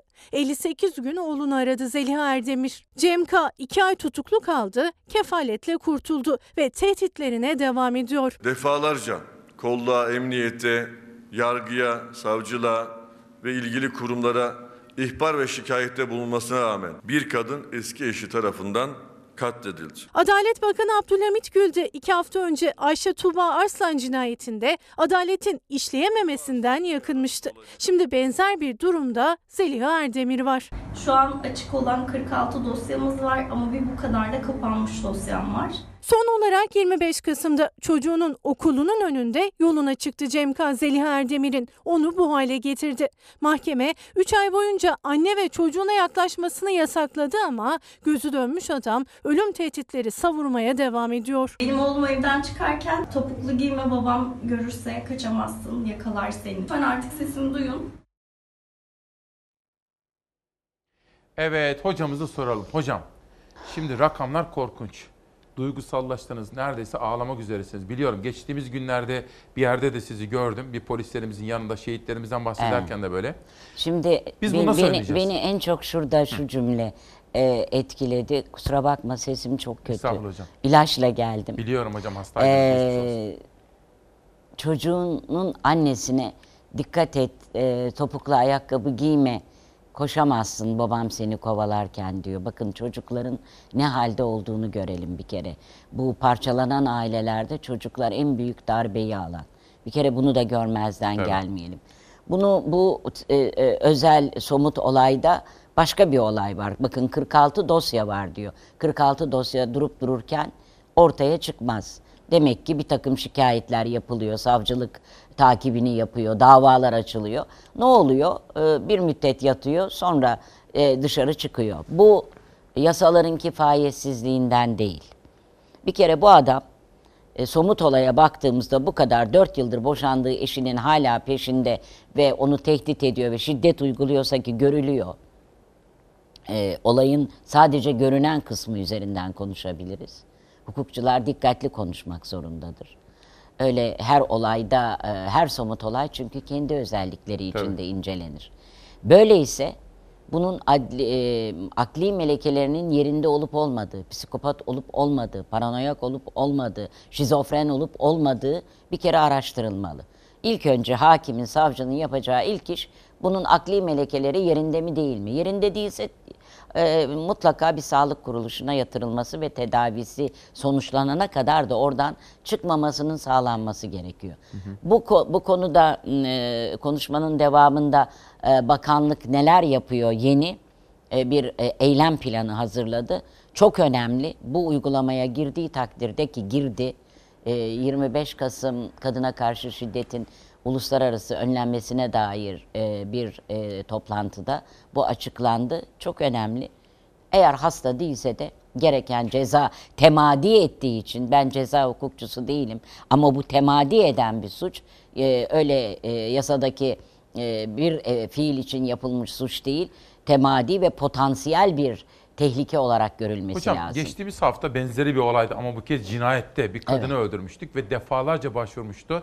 Mektubu vardı.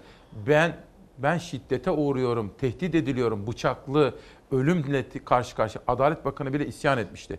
Fakat burada sizin bulunduğunuz noktaya gelen Canan Güllü olsun, Yanındayız Derneği olsun, Nazan Moroğlu hocamız olsun, kim olursa olsun hep şunu söylüyorlar. Kanunlarımızda eksik yok. Yok. Peki sorun nerede hocam? Sorun şöyle. Bakın en basit birkaç e, bundan 5-6 sene önce e, Fatma Şahin'in belediye başkanlığı döneminde bir olay yaşandı ve e, anneye velayeti verilmiş bir çocuğu e, normal olmayan yani çok saldırgan olan bir baba kaçırmıştı ve çocuk bulunamıyordu. E, kadını çocuğuyla tehdit ediyordu. Velayeti sen de verildi eğer bana vermezsen seni öldüreceğim. Ve bu çocuk kaçırıldı. Uzun müddet bulunamadı. Bana yolladılar dosyayı. Ne olur sen ilgilenir misin diye. Emniyetin çok sıkı bir işbirliğiyle biz bu çocuğu bulduk. Bulduk ve anneye teslim ettik. Kadına da yakın koruma tayin edildi. Fakat e, yakın koruma ne kadar yakın koruma? İşte herkeste bir koruma var. E, bir gün e, yakın koruma dedi ki ben bir saat gecikeceğim. Sakın ben gelmeden çıkma. Çünkü çocuğu okula götürüp getiriyor. En Evet. büyük tehlike alanı da orası. Çocukla beraber olduğu. Anne sabırsız davrandı. Zaten gittiklerinde hiç babayı göremiyorlardı. Demek ki saklanıyordu. Ee, çocuğu götürdü. Götürdüğü sırada anneyi delik deşik etti. ve çocuğu aldı tekrar kaçtı. Allah'a çok şükür ki ölmedi. Ağır yaralanmayla kurtuldu. Çocuğu tekrar aramaya başladık, bulduk. Tedaviye alındı sonra bu.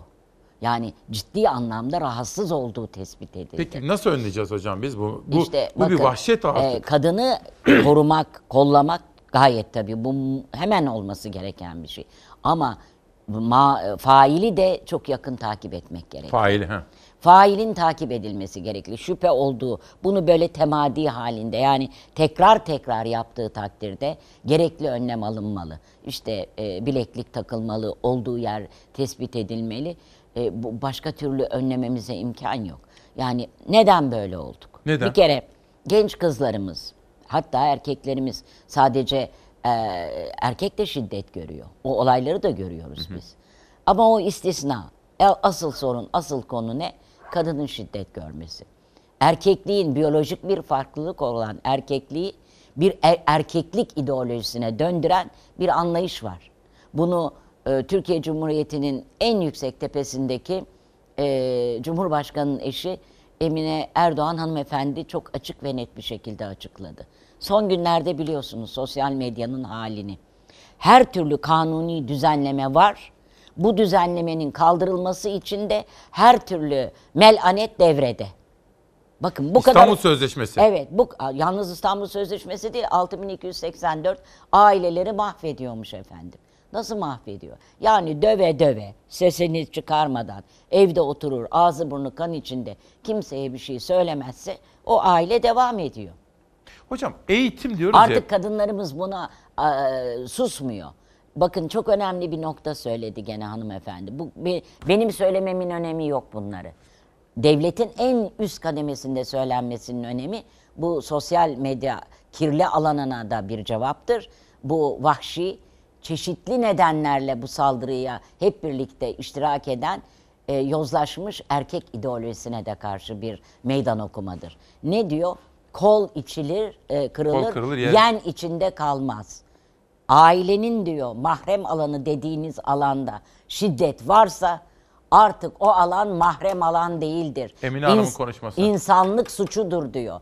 Ve bu bir insan hakkı ihlalidir Zaten diyor. hocam Emine Hanım'ın bu konuşmasından sonra bazı çok fanatik isimler kendisini eleştirdiler. Eleştirdiler ama eleştirilerin bir cümlesine bir bakın. Acaba içi dolu bir eleştiri mi? Peki, Laf salatası. Size birkaç soru soracağım. Gelsin sorularımız. Bu taraftan burada mı arkadaşlar? Bugün gerekirse dediğimiz bu özel sabahta Kezban Ateme hocamıza bu kadın meselesinin iç bölümünü, iç boyutunu soracağız. Bakın, şimdi bunu biraz sonra soracağım. 63 barodan ortak itiraz çocuklar cinsel obje değil. Bunu en son bölümümüzde hocamızın çocuklara ilişkin çok özel hassasiyet ve çalışmaları var. Bunu ayrıca soracağım. Bunu geçelim. Yeni Asır gazetesini zaten konuştuk. Onu da geçelim. Bir gün gazetesinde de bir haber var. Hocam şimdi kadınlarımız tabii sesini duyurmak istiyorlar. Bizim de görevimiz onların sesini duymak ve duyurmak. Kadınlara las tesis gözaltısı. Şimdi bu konuya nasıl bakıyorsunuz? Mesela kadınların eylemi yapılıyor. Polis yer yer müdahale ediyor. Fakat dün daha... Demokratik, demokratik hak ve özgürlükler asla yasaklanmamalı. Bu izni alınmış ve belirli yapılacak alan belirlemişse her türlü faaliyet yapılmalı. Dans da edebilirler. Hatta en ağır şiddet dilin şiddete varmadıkça eleştiri dilini de kullanabilirler. Demokrasi budur e, İsmail. Tabii. Hiç haz etmediğimiz, hiç hoşlanmadığımız bir üsluba katlanma sanatıdır demokrasi. Değil mi? Eleştiri ne kadar olursa o kadar insan kendini toparlar. Dolayısıyla ben bu tür eylemlerin böyle şiddete dönüşmesine karşıyım. Ben zaten siyasetin şiddetle, ya- yargı eliyle de dizayn edilmesine karşıyım. Siz de mağdursunuz. O, o konular ayrı. Evet ben Siz, mesela... siz, siz bir hukuk insanı, siz de şiddete maruz kal. Ben biliyorum. Evet ben hem de yargı tarafından Evet. şiddete maruz kaldım. Ee, çok enteresan. Kısacık anlatır mısınız lütfen? Ee, Örnek olsun. anlatayım eğer vaktim varsa. Ee, sokaktayım gidiyorum. Ee, Habertürk kanalı bana bağlandı ve dedi ki işte hocam biz bir programdayız biliyorsunuz değil mi haberi? Haberi de bilmiyordum o anda. 14 yaşında bir kız çocuğuna e, malum bir e, İstismar. Güneydoğu e, şehrinde bakın onu da söylemiyorum. Malum bir mahkemenin yargılama yaptığında e, iyi hal indirimi saygın durum indirimi verilmiş. Kravat takıyor ya hocam. Evet. Ve bana dedi ki bu nasıl bir şey hocam ne diyorsunuz? Dedim ki bu nasıl bir şey ya? Yani 14 yaşında bir çocuğa taciz yapılınca fail kalkıp e, duruşmada hakime hakaret edecek veya hakimin yakınlarına e, bu fiili mi işledi de hakim bunu böyle düşünüyor dedim. Bu çok yanlış bir şey. Bakın ha- hangi mahkeme olduğunu bilmiyorum. Hangi şehir olduğunu bilmiyorum. Genel konuşuyorum. Ama hani derler ya sorunlu olanlar için burada kullanamayacağım bir söz. e, hemen kendi aralarında bir yargılama yaparak üç hakim hem de özellikle bir tanesi de kadın acı olan da oydu. Efendim ben yargıyı nasıl eleştirirmişim? Sen Türk milleti adına verilen yargıyı Evet. yargı verildikten mahkemeden çıktıktan sonra herkes eleştirir. Neyse ki istinaftan Kaldı döndü. ki ben hukukçuyum. Çok rahatlıkla eleştiririm. Sonra efendim e, 14 yaşında değilmiş. Onlar e, adli tıbba göndererek çocuğun kemik yaşını 18'e zaten çıkarmışlar. Yani 18 yaşındakine tecavüzü normal gören Meşru bir mu sanki? Zihniyet. Şimdi bu nasıl bir e, e, kafa yapısı? Eğitimi soracağım size hocam. Mesela bu eğitim deyince de biz eksik anlıyoruz aslında. Eğitim. Ama bir Obama ile ilgili bir söyleyeyim. tweet seçtim. Gelsin. Şimdi Obama bir önceki ABD başkanı eğer dünyada her ülkeyi kadınlar yönetseydi genel bir iyileşme görülürdü. Ben buna inanıyorum. Ben e, e, canı gönülden inanıyorum ve bunun için uğraşıyorum. Kadınlar her yerde olmalı. Özellikle de kendilerini ilgilendiren alanlarda söz sahibi olmalı. Gençler de öyle. Ben yeni geliyorum Edinburgh'da, İskoçya'da bir toplantıdan. Bu seçimler nedeniyle de çok güzel tetabuk oldu, uyuştu. Genç meclisi var. Mecliste bayağı milletvekillerinin seçildiği gibi. Neden? Gençler kendilerini ilgilendiren konularda söz sahibi ve meclise önerge veriyor. Çevre konusunda, sağlık konusunda. Yani biz artık dünya ile bütünleşiyorsak bütün bu demokrasinin önüne açıcı, temel hak ve insan haklarının önüne açıcı iyileştirmelere de ciddi anlamda olmuş gibi değil adım atmalıyız. Çok güzel. Dolayısıyla e, sorduğun soru kadın her yerde olmalı. Kadının elinin olduğu yerde zaten ne şiddet olur ne e, kötü bir şey olur. Hocam ben mesela diyorum ki günün birinde yüzde 50 kadın olursa parlamentoda bakanlar kurulunun yarısı kadın olursa sorunlar çözülür diye düşünüyorum. Ben de aynı kanaatteyim. O arogan dil kalkar. Oradaki e, birbirlerine karşı zıtlaşma, kutuplaşma. Siz meclisteki şiddeti görmüyor musunuz? Ya yazık. Özellikle kadına karşı yapılan şiddeti, e, çirkin üslupları görmüyor musunuz? Her yerde var. Okulda var, evde var, sokakta var, kamuda var. İşte İstanbul Sözleşmesi bu şiddetin uluslararası bir denetim mekanizması getiriyor. Hocam eğitimi sormak istiyorum size. Bilinci sormak istiyorum. Biz burada bir yanlış yapıyoruz. Şimdi hep şunu söylüyorum ben burada 7 yıldır. Biz kadını ve anneyi ön plana alan bir yaklaşım sergiliyoruz ya şunu söylüyorum. Hep ne öğrendik biz? Tatlı dille her şeyi konuşabilirsin. Sözün gücüne inanman lazım. Sen yani hatta eskiden hayvan derdim onu da demiyorum. Çünkü hayvanlara Hay- haksızlık hayvanlara yapıyorsun. yazık oluyor. Şiddete başvuran kişiliksizdir, karaktersizdir diyorum. Yani düşünün bir başka kadına, bir başka çocuğa. Erkeğe de. Mesela erkeğe de. Yani şiddete başvuran zayıf karakterlidir. Peki meselenin eğitim boyutunu sorayım İşte size. eğitim dediğiniz zaman ilkokul, ortaokul, lise, üniversite eğitiminden bahsetmiyoruz. Yanlış tarihi birikim, ee, özellikle kültürel yanlış normlar, özellikle at gözlükleri, bunların eğitilmesi. Yani bu konuda kadına şiddet konusunda önleyici kurum ve kuruluşlara kadın ve erkeğin eşit olduğunu, aynı eşit insan haklarına sahip olduklarını, değil kadına şiddet uygulamak, vurmak, sevgili peygamberimizin buyurduğu gibi reyhan bitkisi yumuşacık ve çok güzel kokulu bir bitkidir. Reyhan bitkisinin sapıyla dahi dokunmayın diyor. Peki bunu anlamayıp veda hutbesine sıkıştırılan, yanlış yorumlarla Kur'an-ı Kerim'i mehaz gösteren bu dini anlayışların önüne geçmek lazım. Yani di- cinsiyeti Diyanete dine- seslenelim. Efendim? Diyanete mesela seslenelim. Diyanete ben hep seslendim. Özellikle Aile ve Sosyal Politikalar Bakanlığı ile birlikte çalışması için. Ama çok şükür bu kadına karşı şiddette, kadına ka- yönelik şiddetle mücadele koordinasyon planı. Bu çok Bu önemli. bakanlığın mı hocam? 2020 evet 2020-2021 acil eylem planı tayin edildi. Burada bakın ama hangi bakanlıklar var konuyu ilgilendiren. Aile Bakanlığı'nın yanında Adalet Bakanlığı, İçişleri Bakanlığı, Milli Eğitim Bakanlığı, e, Sağlık Bakanlığı ve çok önemli olan Diyanet. bir kurum Diyanet. Tabii. Eğitim bunlara, bunların kurumlarına, bu kurumlarda çalışan ve e, siyasete etki eden alt gruplara. Çünkü İstanbul Sözleşmesi'ne üniversiteler içinde maalesef bu aldığım duyumlara göre bir takım el atmalar, işte e, aile değil, kadın konusu işlenmeyecek, sadece aile işlenecek. O zaman haşa bunu ağzıma almak istemiyorum ama Kur'an-ı Kerim'de Nisa suresi var, kadın suresi. O zaman gücünüz yetiyorsa hadi gelin bunu da kaldırın. Bu nasıl bir anlayış? Bunların acil düzeltilmesi lazım. Güzel. Ben o gün külliyede bizzat Diyanet İşleri Başkanı'nın yanına giderek Evet. hanımefendinin okuduğu bu metni, konuşmasını e, hutbelerde okutmasını söyledim ve rica ettim. Kendisi de Ne bana mesaj veriyordu Emine Hanım orada? müthiş, müthiş. Diyor ki cinsiyet konusunu dini referanslara dayandırmayın. Ahlak insani bir fazilettir. Kadına veya erkeğe eşit olarak bir yükümlülüktür. Haya ve edepten bakın İsmail'cim en mühim olan haya ve edep kalmadı bizde. En basiti otobüste giderken, metroda giderken gençlerin haline bak. Yaşlılar, erkek olsun, Yer kadın olsun ayakta hiç ve görmezlikten geliyorlar ayrıca da. Ellerinde telefon veya kulaklarında hani görmüyor dolayısıyla Görmezden sorumlu geliyor. değil. Ama bu aile içindeki eğitim bitti. Ben hep söylüyorum maalesef. Son derece yanlış bir eğitimle başlıyoruz. Örneğin çocuklarımız kendi ülkelerinde tutunamayan, bakıcıların elinde, kifayetsiz, hiçbir kültürü olmayan ve bizim kültürümüzle uyuşmayan bir çocuk nesli yetişiliyor. O anne kokusuyla büyümeyen. Buradan başlıyor bir kere. Çok kötü bir yozlaşma var. Hemen her noktada. Eğitim, Milli Eğitim Bakanımız muhteşem. Bence Ben- değil hocam. Ben hayır. Ben hayal kırıklığı uğruyorum. Hayır uğrama. kendisine. Çünkü önünde çok engeller var. O engelleri aşması çok zor. Doğru mu? Ben onları biliyorum o engelleri. İşte o bir takım yapılanmalar onun önünü açmasını engelliyor. O kadar kolay değil. Bizim arkamızda küfe yok. Biz bir yük taşımıyoruz. Biz konuşuyoruz, tenkit ediyoruz ama görev başında olan için zor.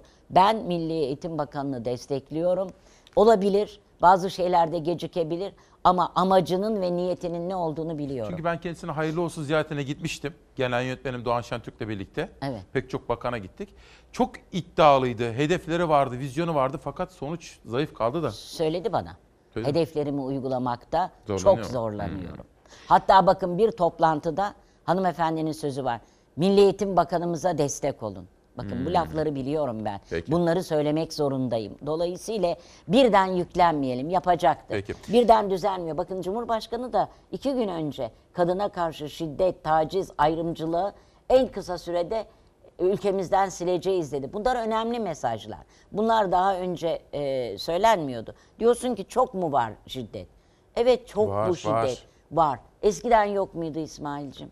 Vardı. Vardı da bilmiyor muyduk hocam Vardı acaba? bakın Mahmut Sosyal Makal'ın medya, ha? Mahmut Makal'ın bir köy öğretmeni olan ünlü yazar Mahmut Makal'ın bir hikayesinde kadın feracesini açık konuştu e, düğünde e, gülerek e, düğünü e, oynayanları seyretti diye ağzının burnunun kırıldığını anlatan bir hikayeden bahseder. Ama o hiçbir karşılık görmüyordu. O kadınlar susuyordu. Şimdi bu kadınlar eğitimli kadınlarımız. Eğitimsiz de olsa devletin arkasında olduğunu, toplumun Güzel. arkasında olduğunu biliyor. Daha görünür olduk. Artık sosyal medyada da bu yaygınlaşıyor. Ama İşte bunu ön- önleyeceğiz hocam. Bu e, işi e, önleyeceğiz. Önlememizin çaresi bu kurumların işbirliği halinde hem eğitim alması, çalışması, özellikle camilerde her cuma kadına yönelik şiddete ilişkin konuşma yapılması Kışlada gerekli. da hocam, asker. Askerde, jandarmada, poliste bunların hepsi Çok iyi. gündeme alınmış ve bir eylem planı olarak Bunu, bunu önümüze- önleyip bu ayıptan kurtulacağız. Kurtulmamız lazım. Sivil to- devlet bunu tek başına da yapamaz. Sivil toplum örgütleriyle birlikte çalışacak. Orada e, gaz sıkarak değil, bir arada çalışacak. Gene İçişleri Bakanlığı'nın 2018'de ben buradan kadınlara sesleniyorum. Ben kendi telefonuma indirdim. Kadesi indirsinler. Elektronik bir buton bu. İndiriliyor. Anında emniyet olduğun noktada yanında Geliyor, oluyor. peki. Ha- Yani bu ölüm tehdidi falan değil. Herhangi bir şiddet gördüğünde. Örneğin bir şoförden, taksiciden gördüğün şiddete Kades. karşı da. Kades çok önemli bu. Telefonunuza indirin. Hocam çok teşekkür ediyorum. Ben teşekkür Hüseyin ederim. hocama da saygılarımı lütfen iletin. Sağ ol. Bu konudaki bütün çabalarınızda yanınızda olacağımı belirtiyorum. Bütün kadınlarla ilgili ben bu çalışmaları destekliyorum hocam. Efendim izin verirseniz ben değerli hocamız Kezban Atemi'yi uğurlayacağım ve günü kapatmak üzere huzurlarınıza geri geleceğim. Bugün gerekirse dedik efendim. Bir sabah buluşmamızda daha gerekirse diyerek İsmail Küçükkaya ile hakikat yolculuğunun altını çizdik. Bize her sabah yardımcı olan genç kardeşlerimiz var. Sude, Muratcan var. Onlara da bugün teşekkür ediyorum. Bütün ekip arkadaşlarımla birlikte her gün erkenden gelip bizlerle birlikte sabahı omuzluyorlar. 50 maddede Göbekli Tepe ve sırları. Doğan Satmış. Her vakit hüzün Erdal Ercin'den gelen bir kitap. Karaca ve Mucizeler Köyü Ömür Kurt. Resimleyen Ümit Atalay. Fazıl Say çalıyor biliyorsunuz. Dünya çapındaki bir sanat virtüözü. Sana iyi şeyler söylememek için kendimi zor tutuyorum. Eğer gece üşürse, eğer gece üşürse hangi lodos onu ısıtabilir? Hangi lodos?